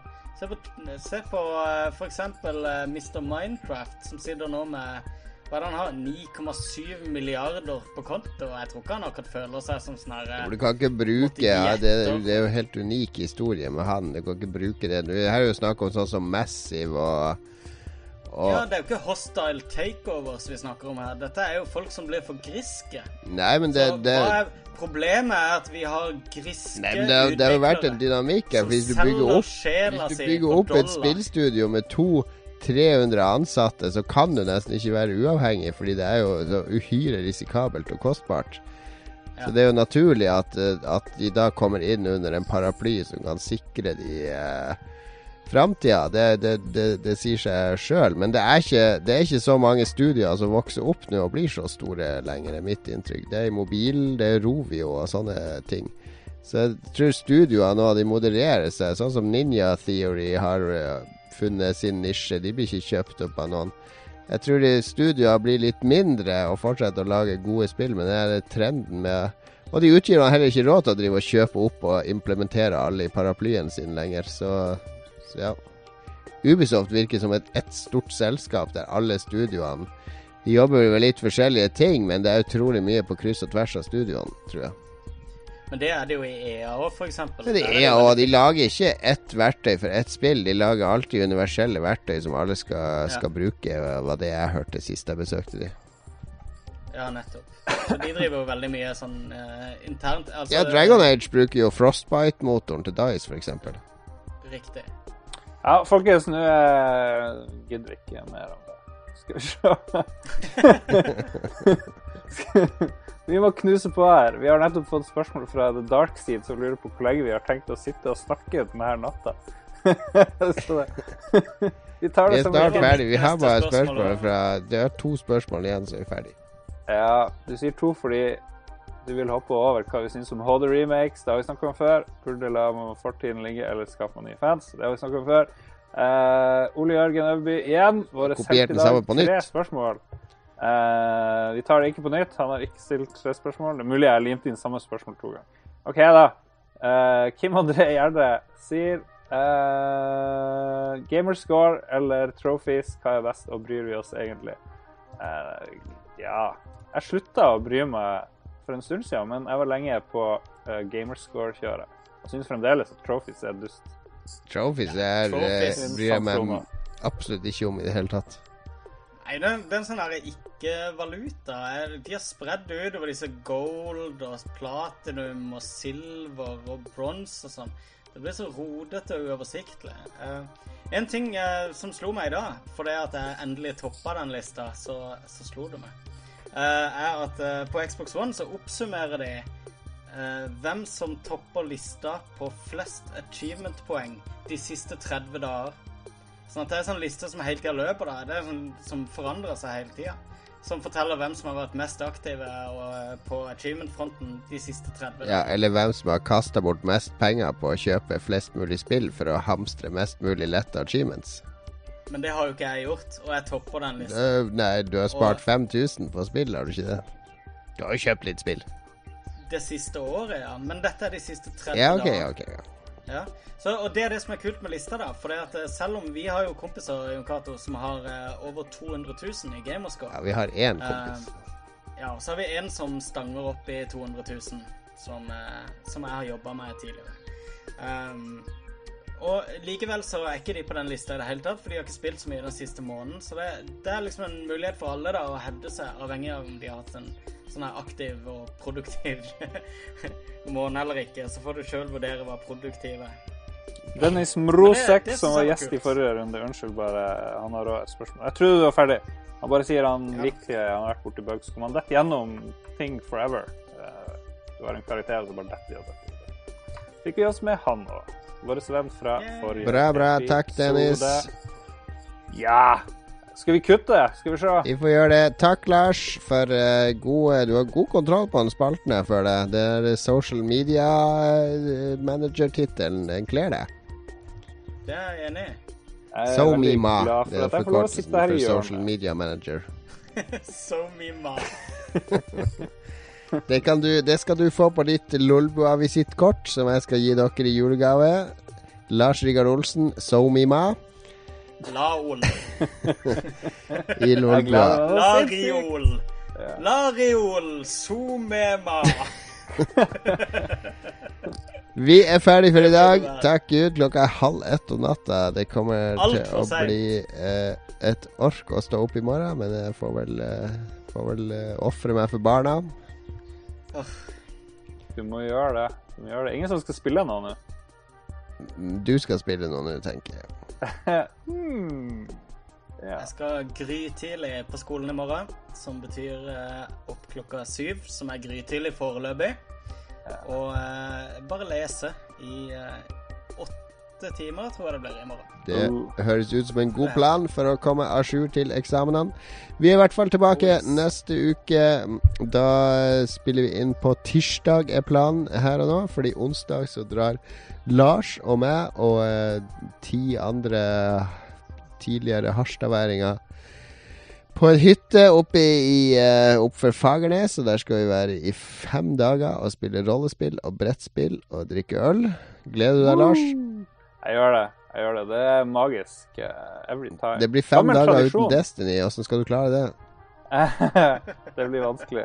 Uh, før jeg glemmer det, må jeg si takk til alle spørsmålene. Det var mye bra i dag. Ja, Kjempemasse tusen takk. konge. Det var imponert over at folk kaster seg rundt. Ja. De, eh, det er jo, Lolbua er jo et, et et samarbeidsprosjekt. Og uh, siden vi har så lite greier for tida på nettsida vår, hvis noen har noe veldig lurt de har lyst til å formidle, så kan de ta kontakt. så Kanskje de kan få lov å skrive. Så kan dere bruke det og vise det. Kan dere komme inn på E3 og sånne greier. ikke sant? Det er jo en liten gulrot. Det er Lolbua. Vi hjelper deg inn på E3. Ja, for eksempel. Takk for eh, i dag, eh, alle sammen. Eh, takk for deg, så, til deg som hørte på. Fortsett med det. Og fortsett med å høre på Rad Crew, våre venner i Rad Crew. Sjekk spesielt ut podkasten deres som de spilte inn på Spillekspo foran et live studio audience. Um, det var en artig opplevelse å være med og, eh, og se på. Vi snakkes neste uke. Da har vi spilt enda flere spill. Og vi har, det har sikkert skjedd Det har sikkert dukka opp minst to nye sånne gates som vi kan snakke om. Nå eh, håper vi, ellers så blir det tomt. Følg oss på Gatorama. Twitter at Lolbua. Facebook. Søk opp Lolbua, så finner du oss der. Vi tar god natt. Takk for nå. Ha det bra. Ha det bra. Ha det! Har du et enkeltpersonforetak eller en liten bedrift? Da er du sikkert lei av å høre meg snakke om hvor enkelt det er med kvitteringer og bilag i fiken, så vi eh, gir oss her, vi. Fordi vi liker enkelt. Fiken superenkelt regnskap.